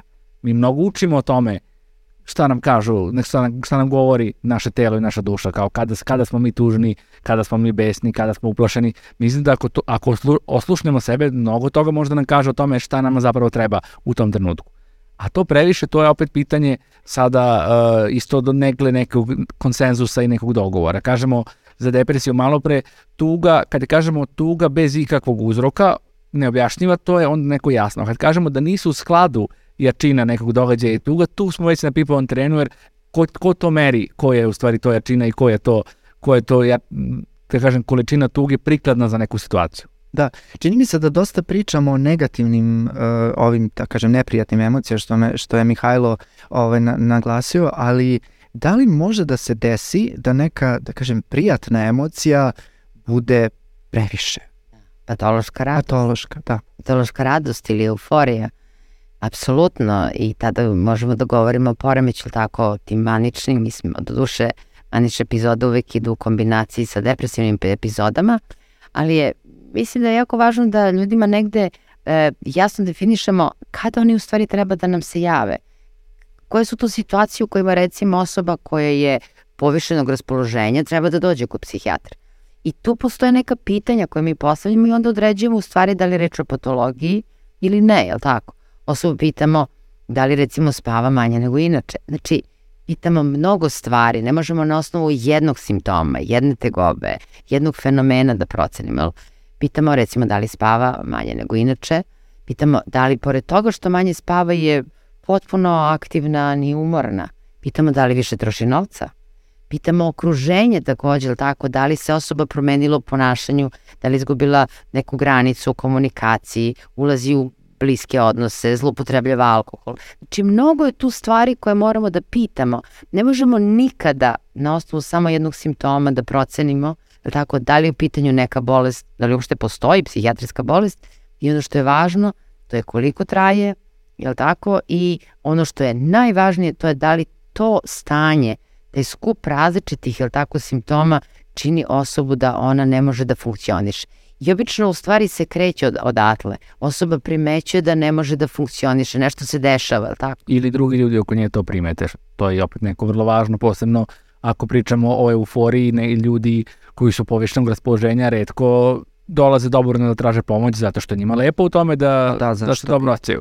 Tako da, istim, da mislim da je vrlo važno i da nekako obratimo pažnju na naše bliske ljude kako se ponašaju, da shvatimo da je bilo kakva upadljiva promena jeste možda razlog da se jave lekaru posebno. Ako i postoji nešto tako drastično kao nespavanje 5 dana ili potpuni nekako uh, nedostatak umora da ima pre previše energije i neke nove ideje stalno ima i troši novac i nekako kad primetimo da se nešto drastično promenilo u odnosu na to kako mi tu osobu poznajemo, to je uvek znak da možda ipak treba to malo bolje da se ispita. Da, tu dolazimo do tog koncept, koncepta u psihijatriji koji se zove uvid, koji je u suštini jako bitan za nas. Da li uopšte osoba ima uvid da se nešto čudno dešava? Ovo kada si Olivera pričala o maniji i ekstazi generalno, to je a, vrlo često a, osobe neće da se leče, prosto ti si, os, ti si sad tu the bad guy, znači ti si došla da prekineš njenu sreću i zašto bi se ta osoba uopšte lečila. Mi smo u jednom, evo, kako je to fenomenalno sad podeljeno, prosto u depresiji smo spasioci, u maniji smo neko ko jel, osobi želi, uslovno rečeno, da naudi prema njenoj perspektivi, jel? Tu nam je jako važna uh, uloga porodice ili saradnika u lečenju. I uvek insistiram kod takvih ovaj, pacijenata da imaju nekoga u koga imaju poverenja i onda postoji nešto što mi u psihijatri nazivamo psihoedukacija – u stvari učimo naše pacijente, tako? I kažem, ako primetite, pogotovo prvi simptom e, pogoršanja jeste recimo ta promena ciklusa dan-noć. Znači, ako primetite da kraće spavate, odmah ranije dođete na kontrolu ili kažemo članima porodice, ako primetite bilo šta i onda napravimo jednu vrstu saveza dogovora, recimo e, dogovora da ako se nešto dogodi, a osoba baš ne, primet, ne smatra da je to neki problem, da ipak poveruje za saradnik u lečenju, recimo, da li to partner ili drugarica ili majka, otac, kako god. I onda nekako stvarno je to dobro i to nam polazi za ruku. Onda nekako tu imamo dobro saradnju. Generalno smo pričali o konceptu društvenih mreža i ja sada moram da, da, da se dotaknem jedne nepopularne teme, a to je u stvari da je sada, uh, moram priznati uh, iz mog nekog iskustva, uh, na društvenim mrežama psihijatrija nekako postaje sve popularnija i vrlo često mi dolaze adolescenti, evo i Mihajlo je radio sa adolescentima pa može nekako i da se nadoveže na to, dolaze mi adolescenti i kažu mi e, sa svojom dijagnozom, prosto prospu mi ovaj, na sto i kažu evo ja sam bipolaran ili ja sam maničan ili ja sam depresivan i tako dalje. I onda mi nekako kroz razgovor i kroz upravo ovo, hoću da se nadovežem na to da nije jedan simptom ono što čini maniju i ono što čini depresiju. Upravo skup različitih stvari, različitih simptoma, različitih doživljaja nama donosi uh, uh, alate da postavimo dijagnozu. Ali sada nekako sve češće imamo taj fenomen samo dijagnoze i pominjali smo Google, pominjali smo različite druge pretraživače. Vrlo će se često desiti da dođu nama pacijenti sa svojom dijagnozom, prvi put, vidimo ih prvi put, jel?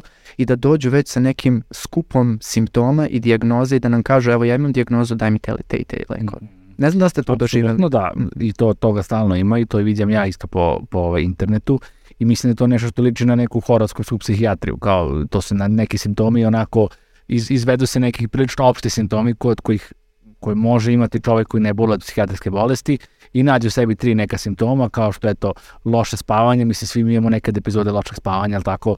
Na primjer epizode da kad smo razdražljivi i svadljivi ili tako nešto i kažu je sad evo ja imam poremeće ličnosti, to je to, ja sam već to rešio sad mi ti pomozi. Da, to je veliki zapravo problem, čak postoji uvedeni onaj nov pojam cyberkondrije ili kiberkondrije, kako hoćemo da tako prevedemo, ali e, ono što je tu važno e, i nekad se dešava i obrnuto. Recimo da osoba ne može da prihvati svoju dijagnozu. Jel? Mm -hmm. I ono što je važno da nekako poručimo ljudima i ono što radimo u svojoj ordinaciji, to je da pojasnim pacijentu da dijagnoza uh, u suštini služi nama psihijatrima da nekako mi međusobno lakše komuniciramo jer postoje određeni protokoli lečenja, da tako smernice kako se leči recimo depresija, kako se leči bipolarni poremeć ili anksiozni poremeć ili poremeć ličnosti, a da sama dijagnoza nije toliko bitna za pacijenta, da je daleko bitnije da ga mi razumemo, da je daleko bitnije da uspostavimo dobar terapijski odnos i da nekako sarađujemo u tom procesu izlečenja, odnosno da on izađe iz tog jednog osjećaja patnje u kojem se nalazi. Da, ja nekako radići sa, sa adolescentima e, dosta dugo zapažam da e, različite poznate ličnosti imaju velikog uticaja na to kako će um, osoba sebe opisati, uh, odnosno kako će opisati svoje stanje. I vrlo često se dešava taj uh, fenomen uh, mimikinga ili taj fenomen, uh, kako da kažem, kopiranja različitih drugih uh, poznatih ličnosti ili njihovih uzora. I evo dolazimo do koncepta u stvari kako različite um, poznate ličnosti pričaju o svojim bolestima i kako se desi određeni fenomen, tako se desi da meni uh, ambulanta bude preplavljena istim simptomima. I to je ono, uh, ima jedno istraživanje koje je rađeno u Japanu kada se uh, kada je jedna pop zvezda japanska u tom trenutku jako aktuelna, pogotovo među tom mlađom populacijom, izvršila uh, samoubistvo, oni su imali ogroman porast različitih suicidnih ideja i različitih Uh, ja sad ne mogu da se setim kako se ona zove, stavit ćemo u opisu ovog videa ovaj, kada, kada se prisetim, ali ono što je e, strašno meni bilo interesantno jeste taj kulturološki moment povećanja, velike, ogromno povećanja suicidnih misli i, nač, i namera vezanih za tako. Ona je konkretno, mislim, skočila sa zgrade i odjednom su se javila gomila pacijenata koje to požele da uradi. Pa da, i mislim da smo se dotakli sada i onoga što smo pričali u početku poređenja sa drugima, koliko je sada u doba društvenih mreža velika identifikacija, posebno adolescenata sa poznatim ličnostima koje nam daju sve više i više uvida u njihove privatne živote i neke intimne delove. Tok, s jedne strane, ono što ja primećam na društvenim mrežama i među adolescentima u mom okruženju, a to je da kako postoje širom sveta zadnje godina kampanje koje, koje propagiraju toleranciju, što je sasvim u redu i da se smanji stigma sa psihijatrskih bolesti, što je isto fenomenalno, čini mi se da postoji jedna subkultura na internetu gde postoji određena vrsta glorifikacije psihijatrskih poremeća, identifikacije s njima. I sad ja ako imam neku vrstu, neku bolest, odnosno diagnozu, ja sam onda pripadam deo neke grupe koja me odmah prihvata i kaže wow, kako ti si tako hrabar, ti si car. I onda sam ja automatski sugestibilan prema svemu što, to, što, što kaže takva neka grupa. Isto tako mislim da sa poznatim ličnostima je jedan deo u stvari grana istog tog drveta, kako nekako previše identifikacije sa, sa poznatim ličnostima, previše nekako nemanja granica i mešanja i adolescenti sami po sebi jesu prilično sugestibilna grupa i nekako podložni uticajima. Ja ću sad pomenuti jednog čoveka koga su više poznavale naše bake nego oni koji gledaju sada ovu našu epizodu, a to je Rudolf Valentino, kada je on preminuo, onda su mnoge žene izvršile samobistvo na njegovom grobu i to je taj čuveni, da kažem, Werterov efekat, tako, kada se desi u stvari po čuvenom delu, ili tako, GTA, Jadi mladoga Wertera, kada je napisao, onda je došlo do te serije samobistva, tako? I nastao, da kažem, taj fenomen. I koliko u stvari te emocije mogu da budu ili tako zarazne, čak je to i preko medijskog prostora, dakle ne samo u ličnoj interakciji. A sada kada si pomenuo ovaj, Mm, čini mi se da si pomenula tako javne ličnosti, dosta e, njih se deklariše da boluju od bipolarnog poremećaja tako i je. to je interesantno da kažem veza e, između kreativnosti i uopšte tog poremećaja koji mi nazivamo bipolarni, da, da ponemo tako, znači poremećaj koga postoje fe, periodi kada je osoba jako tužna, je tako, i periodi kada je osoba jednostavljeno jako vesela, preterano vesela. Koga smo beše pominjali? Pa da, evo ja mislim, meni je uh, neko kom je aktualno u posljednje vreme, s obzirom da evo ima jednog brata koji je njegov veliki fan, to je Kanye West, američki reper koji isto mislim, briljantan muzičar, ali kod njega postoji, ovaj, uh, mislim da dobio dijagnozu bipolarnog, na primjer, pre 5-6 godina i ima super dokumentarac o njemu u tri epizode na Netflixu, zove se, na primjer, Genius. I isto tako od njegovih početaka pa dalje, gde postoje, gde se vidi vrlo dobro njegovi nekako upadanje u maniču epizodu sa vrlo jasno prisutnim e, eksplozivnim idejama, megalomanskim idejama, gde on ima epizode na Twitteru kad piše svašta, na primjer, kandidoću se za predsjednika pa se kandiduje pa odustane, pa kupit ću Adidas, pa svi su se urotili protiv mene, pa onda neko odbacao javno neke svoje prijatelje i tako dalje, pa, pa optužuje ženu, pa kaže ja, neki, neki grupni chat koji ima sa, sa, sa ženom i prijateljima, kaže ja imam više para od svih vas zajedno. I ta, mislim, stvarno ima mnogo materijala, onako se vidi Mislim, tužno, tužno je u stvari što vidimo taj nedostatak uvida gde u stvari nema niko ko će da mu kaže e, čoveče ti treba da se lečiš. Da, ovo namerno apostrofiramo bipolarni poremećaj jer on spada u grupu poremeća raspoloženja, dakle govorimo tu sad o poremećima emocija, ali ono što je mene uvek fasciniralo i što je definitivno potvrđeno, to je da ako gledamo recimo ne, neke e, statističke podatke, da se bipolarni poremećaj e, javlja e, dramatično više, tako, među ljudima koji su izuzetno kreativni, među mnogim istorijskim ličnostima, pogotovo među uh, umetnicima, među Mhm. piscima, među pesnicima, među glumcima. El Catherine Zeta-Jones takođe, jel tako, javno govori o svom bipolarnom poremećaju i neki stari isto hollywoodski glumice. Recimo, opet iz crno-belog perioda filma Vivian Lee. E, mislim, e, hoću da kažem da koliko s jedne strane taj poremećaj nosi određenu cenu, s druge strane e, može određenim ljudima da predstavlja i dar. Ima Koja je to neka, veza? tajn, ima neka tajna Koja je to veza. veza? Da, Pitamo se. da e, ono što je interesantno to je da se pokazalo u stvari da e, postoji preklapanje. Znači, e, činjenica da nisu sve osobe koje boluju od bipolarnog poremećaja kreativne, niti da su, je tako, e, stvarale velika umetnička dela. Međutim, kažu da pre svega preduslov za kreativnost, dobro, tu se ne slažu baš svi, ali ajde da kažemo neko opštije mesto, e, preduslov za kreativnost jeste da je osoba inteligentna, jel? Pored te inteligencije postoji nešto što mi nazivamo, e, uslovno rečeno, ako mozak sma, e, shvatimo kao da kažemo onako, jedan organ koji je pun različitih žica, ti neuroni su međusobno povezani, postoji jedan hiperkonektivitet, jedna hiperpovezanost različitih delova mozga i te osobe imaju, da kažem, povećanu sposobnost da praktično e, međusobno povezuju e, informacije koje nisu neposredno, da kažem, povezane jedna sa drugom. Onda postoji jedan fenomen sinestezije, jedan moj drugar recimo, on je umetnik, vrlo je talentovan, sjajno slika, on je mene pitao jednom prilikom, izvini da te pitam, jel ok što ja recimo mogu da čujem boje?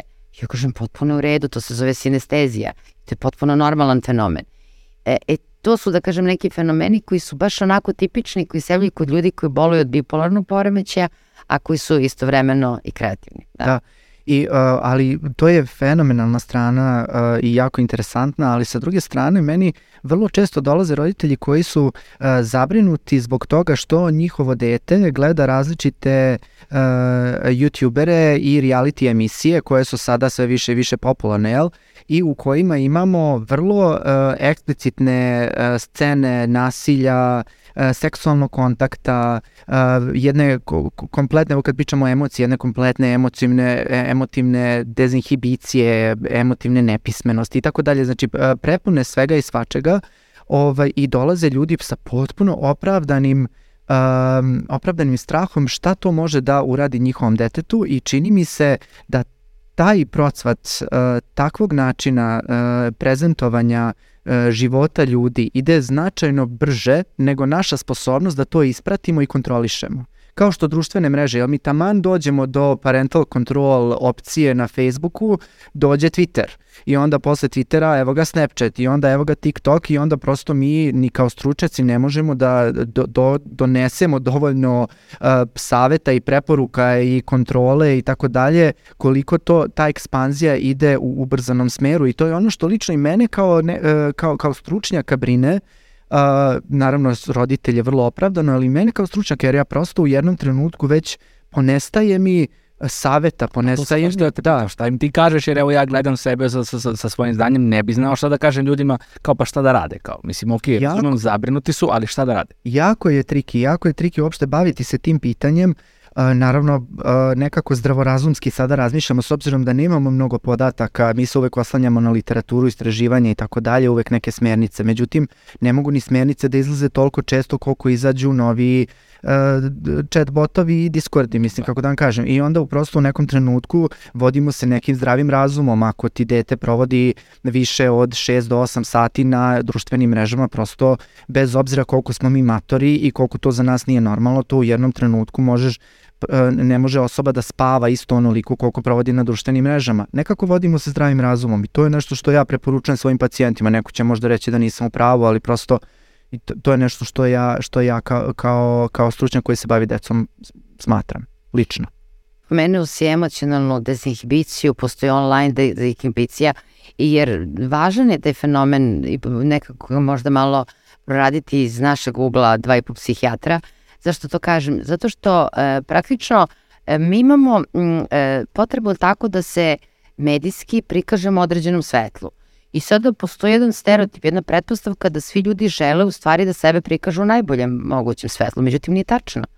Postoje ljudi koji u stvari žele da pokažu onu mračnu stranu sebe jel tako, ovaj, upravo kroz različite vidove, da kažem, medija, pa naravno i kroz televiziju i kroz ove socijalne medije i tako dalje. I to je, to je prosto izbor, to je pitanje izbora. Tako da nemojmo očekivati da će svako od nas želeti da prikaže sebe u najboljem mogućem svetlu, jel, jer i prikazivanje u najboljem mogućem svetlu može da ode u svoj ekstrem, jel tako? I to u stvari govori da kažemo sve veći pojavi narcizma, a nekako smanjenje empatije. Tu smo došli u stvari do jednog jako važnog termina, ja mislim kad je reč o emocijama, da. Da, nikad više priča o empatiji, čini mi se nikad manje empatije u društvu. Da. Pa da, mislim, ajde da prvo malo ovaj, se pozabavimo time, mislim, šta je, šta se, šta se neče u govoru smatra za empatija. Ja ne znam, jeste prosto toliko ima u medijima, toliko se pomenju, ja se pitam nekad šta ljudi e, smatraju za empatiju. Nekako mi u našem svetu empatiju gledamo kao e, sposobnost e, doživljavanja emocija druge osobe, odnosno nekako da mi možemo da zamislimo šta ta druga osoba osjeća i da čak do, do nekle i mi onda osjećamo to. Olivera govorila se o zaraznosti emocija, govorila se o mironeuronima koji imitiraju e, stanje druge osobe, sve to doprinosi tome da mi prosto kada je neko tužan, mi osjećamo tu njegovu tugu. Eto, to je na, jednu, na nekom prostom primjeru. A čini mi se da se upotrebljava bukvalno za sve i svašta i da je postala kao isto neka uh, vrlo cenjena na, na internetu vrlina koju bi neko ovaj, trebalo da ima. A sad koliko empatije stvarno ima, čini mi se sve manje. Pa moram da vam priznam, ovaj, kada sam upisala psihijatriju, tada je termin empatija bio, da kažem, samo u onako užem krugu psihijatra i psihologa. Nije, su, nije da kažem, bio u nekom uopštem ovaj, domenu komunikacije. E, I onda ne, pre nekih deseta godina sam primetila sve više ljudi počinju da govore empatija, empatija, sada svaki dan. Plašim se. Znate čega se plašim? Mislim da ne budem sad previše pesimistična, ali znate kao što je recimo pojem ljubavi, e, e, inspiracija mnogih književnih dela, jer što reče ovaj, ljubavi, pravih ljubavi koliko je umetničkih dela, e, plašim se da će to da, kažem, da bude trend sa empatijom. Međutim, nekako opet, ako je i tako, nisam baš skroz pesimistična, jer ako se vratimo stotinu godinu nazad, znate kad se pojavio prvi telefon, ja se sećam ima jedna preslatka serija, ne znam ovaj, ime te serije, neka krimi serija ovaj, na TV-u i ovaj, i sad jedna uh, avangardna žena tako srednjih godina, ti 30. godine 20. veka su u pitanju, koja se kao bavi tako ovaj, otkrivanjem ubistava i sad ova njena sluškinja tu uzima telefon i kaže ne, ne, ja neću da uzmem ovu ruke, ovu demonsku stvar, jel? Mislim, ljudi su uvek imali otpor prema novinama I mislim da se to i sada i nama dešava. Da kažem, zaista je eksponencijalni rast, da kažem, tehnoloških inovacija, ali nekako mislim da je ljudska priroda e, i priroda uopšte pametnija od naših glava, od našeg razuma i da će se nove generacije adaptirati i na promenu hrane, i na promenu ovaj, e, vazduha, i na promenu načina komunikacije. One će nama možda biti neobične, ali mislim da je plastičnost njihovog mozga, ti Roberto mnogo više o tome znaš od mene, takva da će bez problema jednostavno plivati i surfovati po ovom životu koji im se stvara.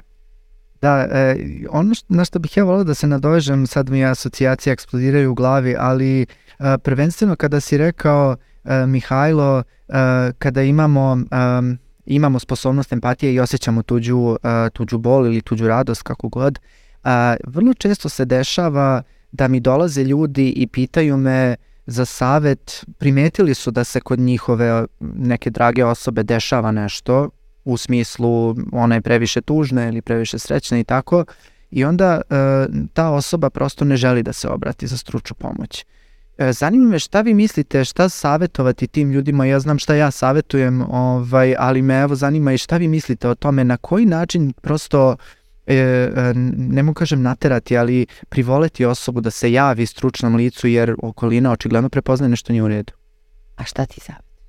Pa iskreno da vam kažem, ja savetujem uh, da se ne upliću previše, da preporuče, ukoliko uh, i da objasne zašto je to bitno, ukoliko osoba isključivo i striktno ne želi da se javi, prosto tako je kako je, ako osoba ima sve informacije pred sobom, i može da rasuđuje, jer imamo taj pojam uvida koji smo pričali i pojam rasuđivanja. Ukoliko osoba sposobna da sama rasuđuje, a o poremeće raspoloženja najčešće i jesu, a, ne mogu kažem poreme- osobe sa poremećajima raspoloženja najčešće jesu, u tom smislu prosto treba poštovati tuđu želju. Sto, to se slažem. Apsolutno, apsolutno. Mislim da je važno da kažemo da prosto ne možemo ne možemo niko ništa naterati. To je to je prvo ovaj što je važno. Drugo, ako pitaju za neke njihove član, članove porodice, ja kažem probajte da neki način da nagovorite uz razgovor bez neke manipulacije, bez ucenjivanja, bez uh, tako nekih metoda, nego prosto radite to ili kažete idi kod lekara ako ne ja ću se naljati na tebe i to je to, ti to, može, to možeš da uradiš i tu, tu prestaje tvoja, tvoja sposobnost kako ti možeš da, da neko privoliš. A ne- Ali ovaj vid empatije o kome se pričam asocirala na još jednu stvar. Meni se dopada što se empatija nekako pojavila, da kažem, jel, e, u opšte populaciji kao termin. Zašto? Zato što je jako važna za našu komunikaciju, jer ako osvestimo šta to zaista znači, mi ćemo biti na dobrom putu. Jer postoje ljudi kod kojih u stvari postoji nešto što nazivamo e, fake ili lažna empatija. I to su vrlo zavodljivi ljudi, oni su, da kažemo, onako u popularnoj nauci sada obično ih u literaturu, na internetu, ili tako, na, nailazimo na termine emocionalni vampiri i tako dalje. A u stvari u pitanju su osobe koje mi u psihijatri nazivamo tako poremeći ličnosti, pogotovo antisocijalni poremeći ličnosti, pa onda narcistični, pa histrionični, kod njih u stvari postoji lažna empatija, ili tako? Ili postoji onaj termin e, socijalnih kameleona, kada prosto oni mogu da mimi, mimi, mimičkom ekspresijom oponaše neku emociju, recimo sa osjećanja, ljubavi, topline prema drugoj osobi, jel tako? A da u stvari su iznutra potpuno prazni. I čisto da ne bude da samo ovaj, govorimo u negativnom kontekstu o društvenim mrežama, ja moram priznati da sam nekoliko stvari kucao i na TikToku, prosto da se pripremim i sad jel, radim sa mladima, pa je to sada jel, i, i neophodnost mog posla. Um, ono što sam saznao jeste da postoji i jedan koncept koji se zove dark empathy, odnosno kao mračna empatija, gde u stvari uh, vrlo često se na TikToku osobe identifikuju kao mračne empate, odnosno da imaju sposobnost da prepoznaju psihopatiju, da imaju sposobnost da prepoznaju mračne misli, mračne tendencije neke druge osobe, što je meni bilo vrlo interesantno kao koncept. Znači imamo različite vrste empatija ovaj, sa koje, mislim, kojima ljudi raspolažu i sa kojima se jel, neki očigledno identifikuju.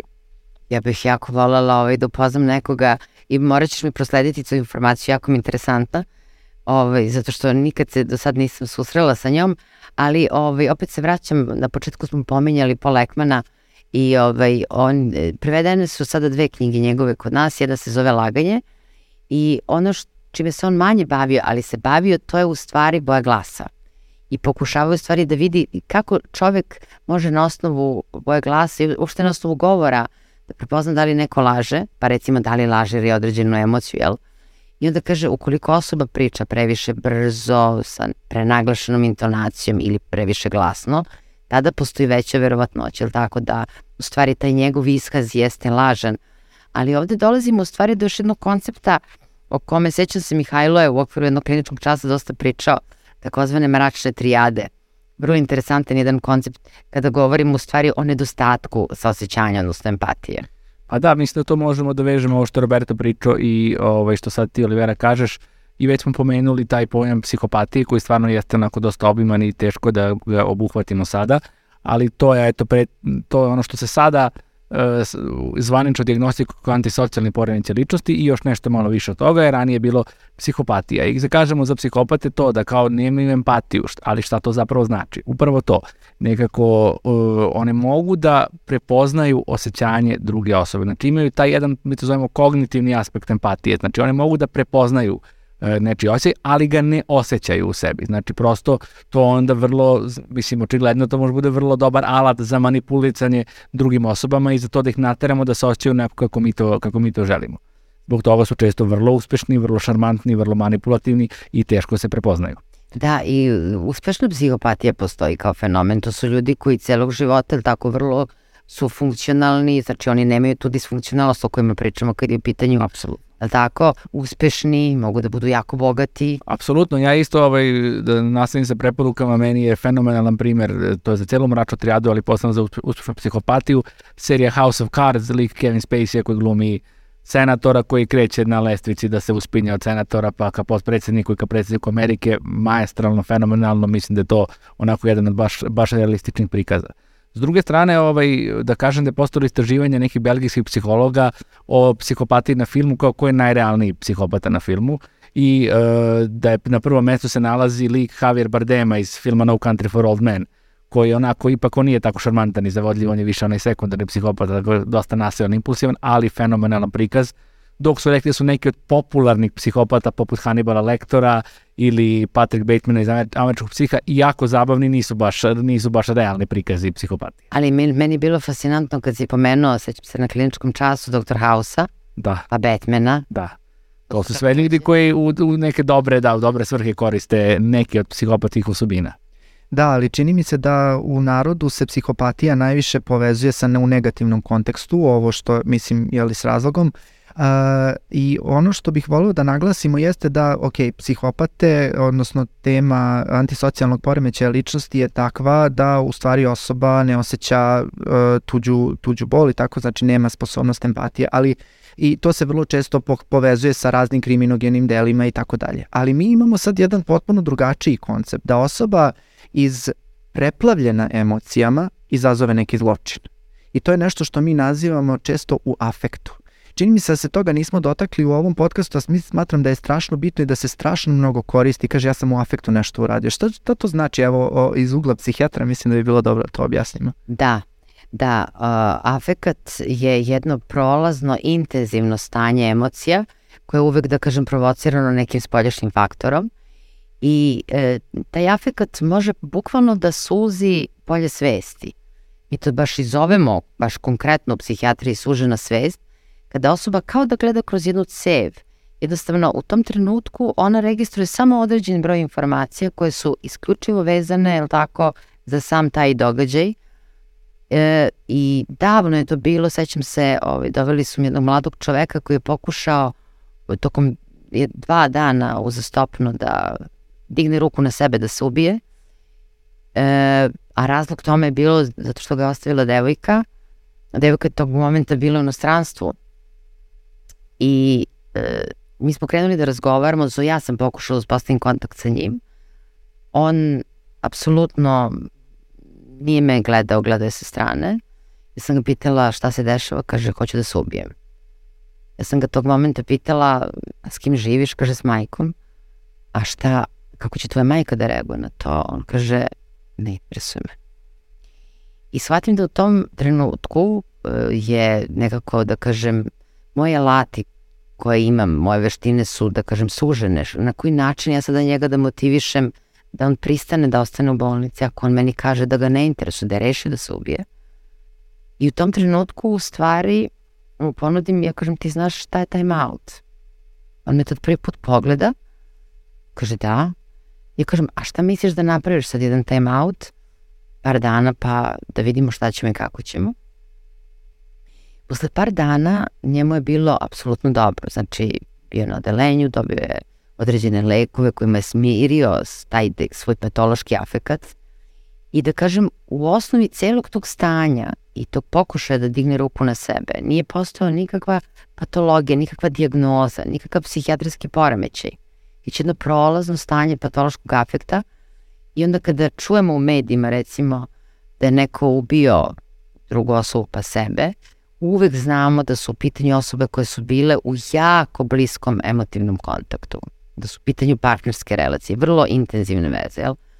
Hipotetski, teoretski, jel da je ta devojka bila tu, da nije bilo inostranstvo, pitanje na koji način bi se sve ovo i ova priča završila. Srećem ova priča imala je zaista srećan kraj.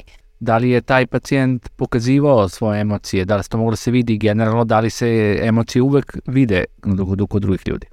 Kod ovog konkretnog pacijenta ne, ne možemo govoriti o klasičnim zdravim emocijama, zato što taj njegov patološki afekat možemo recimo da zamislimo kao recimo e, e, prenapregnute žice na recimo nekom žičanom instrumentu. I to je e, stanje koje traje jedan kraći vremenski period i prođe. Međutim, generalno kada govorimo o emocijama, e, način na koji mi pokazujemo emocije je vrlo različit od čoveka do čoveka, svakako, neko ekspresivniji, neko nije i to je pitanje temperamenta, ali tako ostalo različito se rađamo, neko je, jel tako, ekstrovertniji, neko introvertniji i tako dalje. i onda manje ili više pokazuju svoje emocije. Međutim, postoje osobe koje pokazuju jednu tendenciju da u stvari e, na neki način vrlo svesno i voljno ne pokazuje sve ono čemu smo pričali. Dakle, ni tu mimičku ekspresiju, ni ovaj da prikrivaju, da kažem, te neke svoje fiziološke manifestacije, lupanje srca, znojanje, jel, da prikrivaju zapravo te svoje emocije. Oni ih duboko doživljavaju, proživljavaju, ali to nije dobra stvar. Da, ono što je meni interesantno jeste ovo upravo što si na, naglasila, to je koncept introvertnosti i ekstrovertnosti i meni je uvek bilo interesantno kada god smo pričali o tome i uh, na fakultetu i na specializaciji posle, jeste kako ja po prirodi jel, sam ekstrovert, pa ne mogu baš da se ubacim u glavu nekoga ko je po prirodi introvertan, ali ono što mi je bilo interesantno da čujem jeste da introverti mnogo uh, više, čini mi se, proživljavaju emocije mnogo intenzivnije, iako ih ne is, uh, eksprimiraju na isti način kao ekstroverti. I ono čega bih se dotakao jeste um, kada govorimo o ispoljavanju emocija, nije uvek ni prikladno ispoljavati sve emocije, pa me onda često ljudi pitaju, pa dobro, šta ja da radim sa svojim emocijama, ja sam u nekim trenucima preplavljen, Evo ja sam preplavljen u ambulanti, prosto nekad mi dođe mi da plačem, dođe mi da besnim u nekom trenutku, ali to nije socijalno prihvatljivo. I onda me pitaju da li, da li je to okej? Okay? Da li je okej okay prosto prikrivati svoje emocije? Mi to u praksi zovemo represori, jel? To su ljudi koji prirodno potiskuju neke emocije iz različitih razloga, ali ovo nešto što mene konkretno interesuje, da li postoje posledice potiskivanja emocionalnih doživljaja? Pa da, mislim da je kao i mnogo druga pitanja, mnogo zavisi od konteksta. Naravno da ne možemo da kažemo univerzalno, ej, dobro je da sada pokazujete sve emocije, jer kao što rekao Roberto, postoje situacije kada neko društvene norme od nas zahtevaju neki da kažem, ograničeni odgovor kad ćemo mi te emocije nekako bar trenutno skloniti sa strane, pa ćemo možda kasnije se osvrnuti na njih, a sa druge strane, kao što si rekao, postoje dosta dokaza o vrlo, vrlo štetnim posledicama kod osoba koje konstantno e, suprimiraju, odnosno kriju svoje emocije, da kažemo, gutaju emocije, ne iskazuju ih. Uglavnom su to ljudi kod kojih generalno e, postoji jedna vrsta uverenja da je neprihvatljivo imati negativne emocije, da neprihvatljivo iskazati bes, da je neprihvatljivo iskazati tugu pred drugima. Međutim, kao što smo rekli, emocije se doživljavaju i telesno. Oni apsolutno doživljavaju sve emocije, samo biraju da svesno kažu ne sad i ne pokazuju sada, ali sve te telesne promene se kod njih dešavaju i nažalost jedna od posledica toga mogu, može biti razvijenje raznih ne samo psihičkih nego i fizičkih bolesti koje nastaju oštećenjem upravo tih organa koji su preaktivni zbog tog vegetativnog odgovora koji je kod njih vrlo intenzivan. I sad si me podsjetio e, sve vremeno kad sam radila istraživanja na kardiologiji, e, šta smo mi u stvari radili? E, praktično smo osobama koje su preživele, da kažemo, infarkt miokarda, kako se to u narodu kaže, preživele infarkt miokarda, stresirale i sad postoje određeni način na koji se izaziva stres kod čoveka. Ono što je interesantno, meni je tad bilo fascinantno, znači samo je dovoljno bilo recimo četvorocifrene brojevi, onda manje sedam, manje sedam i onda tako niz i, ovaj, i u tom trenutku naravno ja sam radila zajedno s kardiolozima i dok sam ih stresirala, to je posebna metoda jel, kako se radi, e, kardiolog je radi ultrazvuk srca, EKG, merili su krvni pritisak, puls i kada se završio taj eksperiment, sećam se jednog ispitanika, kažu meni, a doktor, kad ste videli kako se nisam iznervirao. A u tom trenutku njemu je pritisak bio 200 sa, na primjer, stotinu, znači dramatičan skok krvnog pritiska ima i pulsa, ali on uopšte nije osetio emociju, jel, nelagode neprijatnosti, kada je recimo radio to računanje. Drugi zadatak je bio konkretno da ispriča neki ne, nepovoljan životni događaj u proteklih šest meseci potpuno, znači upravo ovo što si ti sada rekao.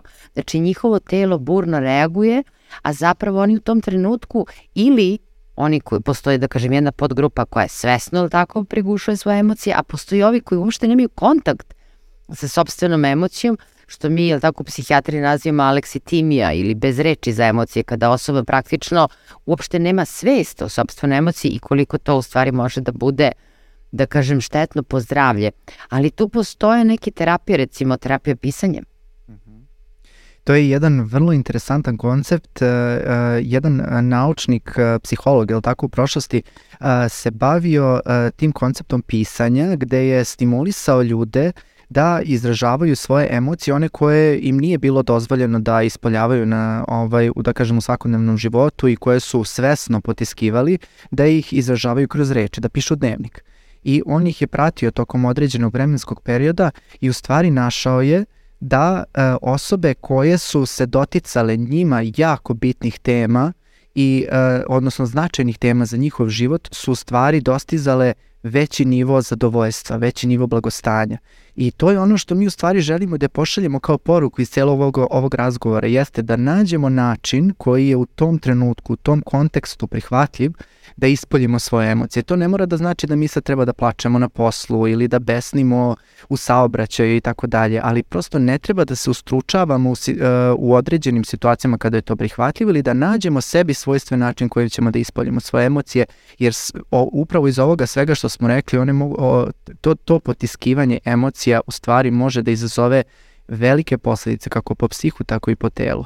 Pa ta Penn Baker čini mi se tako, ja njega obožavam, To je upravo da kažem, je tako čovek koji se, koji je život posvetio toj terapiji pisanjem i koji je radio veliki broj istraživanja na ovu temu i objavio i nekoliko knjiga, on je pokazao tako da utiče, čini mi se, na imunni sistem. Da, apsolutno, mislim da, uh, kako smo već spomenuli, emocije su nešto što ima izuzetno snažan telesni odgovor.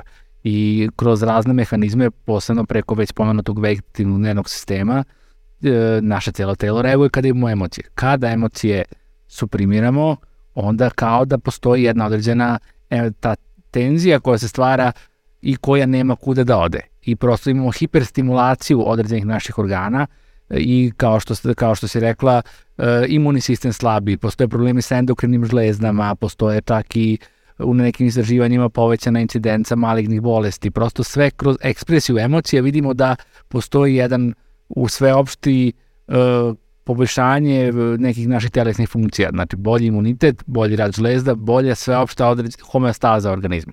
Ali meni je jako drago što, da kažem, evo ti si Roberto pomenuo i u protekloj epizodi si pokazao slike, tako dece, mm -hmm. što mi na institutu koristimo sve te ekspresivne tek tehnike, recimo konkretno kroz crtež i kod deci i kod adolescenata, pogotovo kod adolescenata u dnevnoj bolnici, onda recimo imali smo jedne divne lekcije posvećene upravo poeziji i psihijatriji i tu su naše pacijentke u stvari čitale svoje pesme i onda smo razgovarali sa njima i koliko su one u tom trenutku u stvari pokazale, čak su onako otvorile svoje emocije, što je vrlo hrabro bilo, jer tu je bilo preko 30 psihijatara koji su sedele, sedeli, jel, pokazale su stvari svoje emocije onako u, u potpunosti, jel, na prvi, prvi put, na, na, na pun način, koliko je to sve važno, da. Da, i kada smo se dotakli uh, dece, ono što je nezaobilozno da pomenemo kada pričamo o emocijama, jeste nešto što se zove privrženost kod dece, odnosno popularno u nauci nazvano attach, attachment, uh, en, u anglosaksonskoj literaturi se to kao termin najčešće provlači. Verujem da su mnoge ljudi i, i nekako um, ne moraju da znaju osnove samog, samog attachmenta, ali su pri, uh, primetili da u nekim trenucima dete različito reaguje na odvajanje od roditelja. I imamo, mislim, kada ga ostave recimo u vrtiću, neka deca će plakati, neka deca neće plakati, neka će plakati neutešno i tako dalje. E to je upravo taj koncept attachmenta koji se u stvari uh, je jedno uh, sjajno delo ovaj, dečih, uh, dečih psihologa i psihijatara u prošlosti, koje u stvari uh, govori u prilog tome da deca formiraju različite odnose sa svojim primarnim starateljima. To su u tom trenutku najčešće bile majke, jer je to tako kulturološki, sada su to jeli, očevi, majke i staratelji generalno ovaj, uh, koji brinu, ovaj, koji brinu o deci, uvek se uh, iz, izlači taj koncept primarnog staratelja, odnosno to je ta osoba koja najviše brine o detetu i prema, nje, prema toj osobi se u stvari testira taj attachment. Šta su oni u stvari radili? Oni su odvojili decu od svojih primarnih staratelja u jednom trenutku i kada su ih vratili u njihov zagrlje, da kažem u njihovo prisustvo, deca su različito reagovala. I sad su postojali različiti tipovi, znači postojale su deca koja su bila presrećna što vide svoje roditelje, prestala su da plaču, jel? Postala su deca koja su počinjala da plaču jer nisu osjećala prijatnost u prisustvu tog roditelja. Postala su deca koja su bila vrlo sumnjičava, koja su bežala od roditelja pa se onda ponovo vrate. To je nešto što zovemo ambivalencija u detinstvu, koja nisu baš bila sigurna kako, na koji način da priđu. I to su sve posledice ličnih iskustava dece sa svojim primarnim starateljem u prošlosti. Logično je da ukoliko je dete zlostavljano neće imati uh, jel, pozitivan odgovor na, takvu, na takvog čoveka. Isto tako ukoliko je majka ili otac ili staratelj bio toliko privržen detetu da će prosto razviti neku jaku vezu. Jel?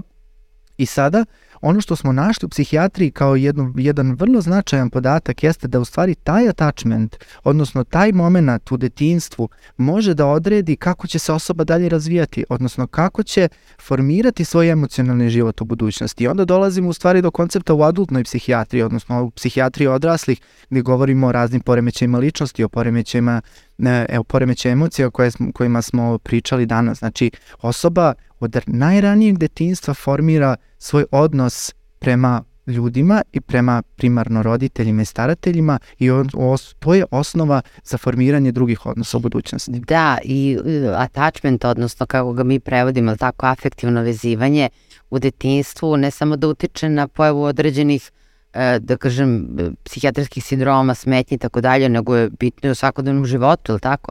Mi ne, recimo kada je u pitanju partnerska relacija, mi uvijek krećemo od pretpostavke da preko puta nas je osoba koja ima isti emotivni kapacitet kao i mi, jel tako? Istu emotivnu zrelost. Da.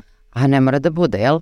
E sada, e, pošto lepo si rekao da upravo taj attachment koji se razvija u detinstvu utiče na to kako će se osoba ponašati kasnije, recimo u partnerskim relacijama, Jel ima tu leka, jel može nek, nešto tu da se promeni, da ljudi malo sazriju vremenom? Apsolutno, pa imamo ceo koncept razvijen sistemska porodična terapija, nešto što je apsolutna indikacija za bilo koga ko ima problem u takvom vidu odnosa i nešto što nam... A šta pomoć... konkretno, koju vrstu problema? Kako se to recimo manifestuje kod dece ili... Pa može da se manifestuje, na različite načine. Dakle, to dete može u... Najčešće se to vidi u adolescenciji. Znači, kada dete, uh, to je nešto što, kako bih objasnio, dakle, u adolescenciji postoji nešto što mi zovemo sad malo će rogobatno zvučati, ali onako fiziološko ludilo. Dakle, to je ne, prosto uzburkanost emocija, normalno, tako je, normalno, normalno ludilo, nešto kroz razvojno, kroz što svi moramo da prođemo. Samo se setite sebe kad ste bili adolescenti, koliko ste smatrali da je, prosto je, držite ceo svet na dlanu i tako dalje, i da bolje da se nekim ne sjećamo. E, u, tom, u tim nekim trenucima uh, kada imamo jednu, jednu, jedan hormonski disbalans, jednu promenu u telu, promenu u svetu, pogledu na svet i tako dalje, i, i jednu tranziciju iz dečijeg perioda do perioda potpune samostalnosti, potpuno je očekivano da se u tom periodu su osobe najranjivije. I tada najčešće vidimo probleme attachmenta, odnosno te privrženosti, afektivne vezanosti koja se ispoljavali još kad su bili najmla, u najmlađem periodu, kada su bili bebe ili deca.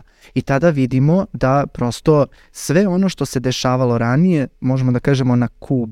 A kako se oni ponašaju? Gde se prosto, to vidi? Prosto vidi se jedna ekstremna agresija može da se eksprimira kao uh, depresivnost, odnosno bežanje od porodice, može da se eksprimira kao napad na, na tu osobu prema kojoj osoba ima tu, kako zovemo, nesigurnu vezanost. Može da se, uh, može da se nažalost, evo, pričat ćemo u jednoj, o jednoj epizoda kao, kao samo povređivanje, kao u stvari usmerenost te agresije prema sebi, ne mora samo kao prema spolja i tako dalje i tako dalje. Znači razni sindromi, razni koncepti mogu da se razviju. Pa da, meni je ceo taj eksperiment sa attachmentom stvarno jedan od najgenijalnijih ikada i to mi je prosto neverovatno, tako da ono kad sam to prvi put pročitao stvarno je bilo ovaj, fascinantno kako su mogli da predvide kako će se neko odnose formirati u odraslom dobu na osnovu toga kako je reagovao kao beba, to tako zvuči neverovatno. I sad ono, ka, ono što je Olivera pitala kako se ljudi to, kako se to leči, šta se to radi. Mm. E, najprostije rečeno, ljudi kad odrastu im mogu da imaju nek, na, u nekoj osnovi podeli tri stila attachmenta, odnosno afektivno uvezivanja. Postoje oni koji imaju sigurno, siguran attachment, to je ono gde su uslovi bili idealni, i kada ima nekako u odnosima sa ljudima stabilne i, i ovaj, sigurne odnose i postoje dve druge vrste glavne koje su, mi ih zovemo anksiozni attachment ili izbjegavajući attachment. Ovo je nekako da. što ima dosta u zdravog, zdravih ljudi i nekako u partnerskim odnosima se često privlače ta dva tipa koji su suprotni. Jedan, znači anksiozni attachment je onaj koji u svakoj odnosu strepi toga da će odnos biti prekinut. I zato ne se čvrsto da drži.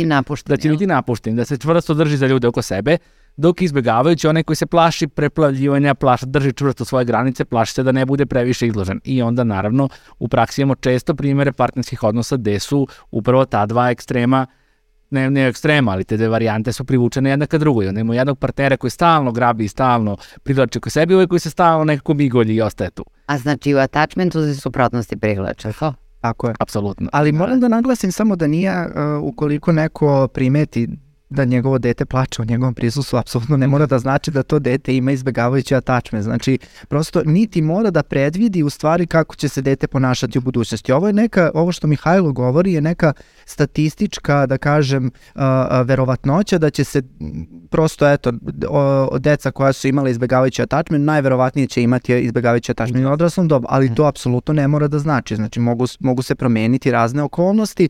Ono šta mi radimo, prosto radimo nešto i sa roditeljima, jel? Kad dođu kod nas u nekom trenutku počnemo da radimo na njihovim roditeljskim praksama, da ih poboljšamo, da poboljšamo i roditeljske kapacitete, radimo i sa decom u istovremeno i to je ono što zovemo porodična terapija, dakle radimo sa svim jedinkama u nekom sistemu kako bismo ceo sistem u stvari poboljšali njihovu funkcionalnost. A koliko je to bitna i emocionalna pismenost roditelja i da kažem koncept koji je možda sad popularniji posljednjih decenija, a zove se emocionalna inteligencija. Jer mi smo samo pomenuli jednu komponentu emocionalne ili emotivne, ako je pravilnije reći, inteligencija to je empatija, ali tako? U stvari, šta emocionalna inteligencija sve podrazumeva? A da, mislim da je ovaj, uh, jeste sve popularni termin, a podrazumeva neku sposobnost da prepoznajemo svoje emocije, da prepoznajemo emocije drugih i da se ponašamo u skladu s time. Znači, jedan sveobuhvatni pristup koji uh, podrazumeva mnoge stvari koje smo mi pričali ovde večeras. Kao prvo, znači da prvo što je neophodna veština, to je razumevanje sobstvenih emocija i nekako podrazumeva jedan uh, promišljen uh, pristup svojim emocijama gde mi kada se osetimo nekako ne reagujemo odmah impulsivno, nego stanemo, kao, kao što se rekao da time out, stanemo, promislimo o tome zašto se ja osjećam ovako, šta je to učinilo da se osjećam ovako i da li je moja reakcija u skladu sa situacijom. To je nekako neki prvi osnovni korak kako da bolje razumemo sebe i da možemo možda da učimo da modifikujemo svoje odgovore, da ne živimo kao da smo uh, nekako nemoćni naspram svoj sobstvenih emocija. I kada možemo da razumemo sebe, možda možemo da razumemo i druge. Jer mi polazimo uvek od pretpostavke da je drugi isti kao mi. To se, to se priča o ti. A neko kada, kada zastanemo malo i kada kažemo pa čekaj to je drugačiji čovek, ako se on osjeća ovako, to je prvo da prepoznamo kako se on osjeća, da, da, da gledamo, da slušamo, da neko ne pretpostavimo da će se on osjećati isto kao što bismo se mi osjećali u toj situaciji. Nego prvo da vidimo kao šta je to, pa onda da probamo da razmislimo o tome kako i šta. Prosto emocijna inteligencija znači korišćenje nekih da, ka, da ih nazovem u širem smislu misaonih procesa, da probo, bolje prosto rukovodimo svojim emocijama. I upravo koliko je tu empatija važna, jel? Da možemo da, da, da vidimo, da, da možemo da poznamo. Ali ovde bih se upravo vratila na nešto što si Roberto rekao pre izvisnog vremena, e, prosto nekad ti se dešava na poslu toliki pritisak, jel tako, i tolika količina, da kažem, emocije raznih ljudi, da je sa tim teško nositi se. Jer mi u stvari moramo da koristimo kao alat našu empatiju, jel? Tako je. I na koji način se u stvari, na koji način prevenirati neko naše izgaranje. Jer ono što je interesantno da čak i ljudi koji se bave pomažućim profesijama, bilo da je reč o psiholozima, psihijatrima, socijalnim radnicima, kako god, jel? E, radnim terapeutima, medicinskim sestrama koji greju jako važnu ulogu, ono što je činjenica to je da i čak i ako imaju pozitivne emocije i ako vrlo vole svoj posao, jel, negde dođe do tog izgaranja. E sad, tu je u stvari jako važno nešto što bismo nazvali, jel tako, e, upravo jedna smirenost uma koja je potrebna, jel tako, je da bismo mogli da razlučimo, jel tako, sve emocije, jer ono što su neprijatelji smirenosti uma su upravo jedna preterana ambicija, fanatizam, sve te intenzivne, neprije, ne, loše, da kažem, emocije, mržnja, agresija. I to je nešto što takođe nekad može i nama da se javi. Apsolutno i hvala ti što pominješ smirenost uma, jer to je nešto što mi izmiče svakodnevno i mogu da kažem da u nekim trenucima mi je jako teško da se podsjetim u stvari da, da, da treba smirenost uma da se desi u momentima kada sam preplavljen različitim uh, tuđim, da kažem, problemima, emocijama, kada ima previše posla i tako dalje. Kako se ja nosim sa tim, iskreno da vam kažem, svog terapeuta. Prosto ja smatram da svaki terapeut treba da ima svog terapeuta i da na neki način može to da obradi ili kroz neku socijalnu podršku. Ja, hvala Bogu, imam dobru socijalnu podršku, to mogu da kažem za sebe. Imam prijatelje koji se bave psihijatrijom, imam prijatelje koji se ne bave psihijatrijom, što mislim da je značajno, izuzetno značajno da imaš oba i da na neki način a, mogu a, sve ono što je u meni stvara tu preplavljujuću anksioznost u momentu da izbacim napolje. Ja se upravo pridržavam tog a, tog koncepta koji smo malo pre, malo pre predstavljali, znači da se olakšamo, da pričamo, da ispoljavamo emocije. Mene nije sramota da svoje emocije ispoljim, ali ono što viđam u praksi jeste da mnogi ljudi mi dolaze i kažu pa dobro nije baš prikladno da ne znam, evo sad ću reći ono što najčešće i čujem, a to je eto muškarac teško da je prihvatljivo da može da ispoljava emocije na način na koji e, to rade žene ili starija osoba ne može to kako rade deca i tako dalje. Znači postoje ta neka uverenja koja su vrlo česta i sa kojima se vrlo često sreću. Pa da, slažem se, apsolutno postoje velike kulturološke razlike u, tome koje su emocije dozvoljene, ne samo muškarcima i ženama, što jeste nešto što vidimo svakodnevno, već generalno i u različitim kulturama i kroz različite istorijske periode. Sada imamo, na primjer, radost kao emociju koja je ona najpoželjnija moguća i dostižna, dok recimo u srednjem veku kada je bila nekako veliki utjecaj crkve, bila je pozitivna emocija osjećati strah od Boga, krivicu zbog sobstvene grešnosti, to su bile viđene kao vrline i ljudi su želeli da osjećaju te emocije. Isto kao što sada uh, vlada anksioznost kao jedna od prevlađujućih emocija koje praktično nije bilo ranije uopšte, a sada živimo u, u dobu anksioznosti. Da nekako smo fokusirani na anksioznost, jel, odnosno patološki strah kao na najgoru moguću emociju, a u prošlosti upravo kao što si pomenuo nije tako bilo. Takođe mi recimo imamo osjećanje krivice ukoliko je prenaglašeno naravno kao jedan od kriterijuma depresivnog poremeća, jel? Međutim, ovaj, stvari se menjaju, to je očigledno i mi treba da živimo u duhu sa svojim vremenom, ali nekako počeli smo priču o tome da ne možemo očekivati od sebe tako da smo stalno sreći, srećni, znači taj imperativ sreće nikako i nekako mislim da je jako važna ta emocionalna ravnoteža. I postoje vrlo interesantne tehnike uspostavljanja emocionalne ravnoteže. Dakle, da sve emocije, ali umereno, odmereno, je li tako? jako je važno proceniti e, i proanalizirati datu emociju u datom kontekstu, da li mi u stvari to što smo ljuti, da li jesmo mi zaista adekvatno ljudi datoj situaciji, da li ti imaš pravo da ako provedeš dan gde slušaš recimo na, na, na grupinoj si terapiji, ali tako, i pacijenti ti pričaju o raznim gubicima, pri čemu gubitak može da bude dragi osobe, gubitak samopoštovanja, gubitak kućnog ljubimca, gubitak dela tela, tako, kako ćeš se ti osjećati posle toga? Pa naravno da se nećeš osjećati dobro i naravno da je to normalno što se ne osjećaš dobro. Ali treba se vratiti emotivno ravnoteži. Na koji način? Pa ništa, samo budite pozitivni sve vreme. Pa ne, šta, ono što stvarno što bih volio da kažem za kraj je da evo, mislim da se Olivera vrlo lepo navela neke od važnih stvari, a to je upravo to nekako posvetite se svojim emocijama, razumite ih, prihvatite ih mislim da je e, važno da doživljamo emocije kao neku višu silu koja dolazi u nas i odlazi od nas, kao da sad eto, sad sam ja ljut i to je to, nego prosto nekako da, da ih razumemo i da, da skinemo taj jedan uh, mistični veo sa njih i da prosto shvatimo da su to normalne prirodne pojave. Dozvolite sebi da osjetite ceo spektar ljudskih emocija, razmišljate o tome da li su prikladne, da li nisu, razmišljate o načinima na koji su prihvatljivi da izrazite emocije, eto mislim, ne znam da li šta bih da, razmišljajte o drugima i razmišljajte o, o svojim najbližima i ukažite im na to ukoliko smatrate da im treba pomoći i motivišite ih da tu pomoć potraže. Mislim da je to jako bitna poruka da pošaljemo za sam kraj. Dakle, emocije su deo našeg bića i one treba da budu naši prijatelji, a ne naši neprijatelji.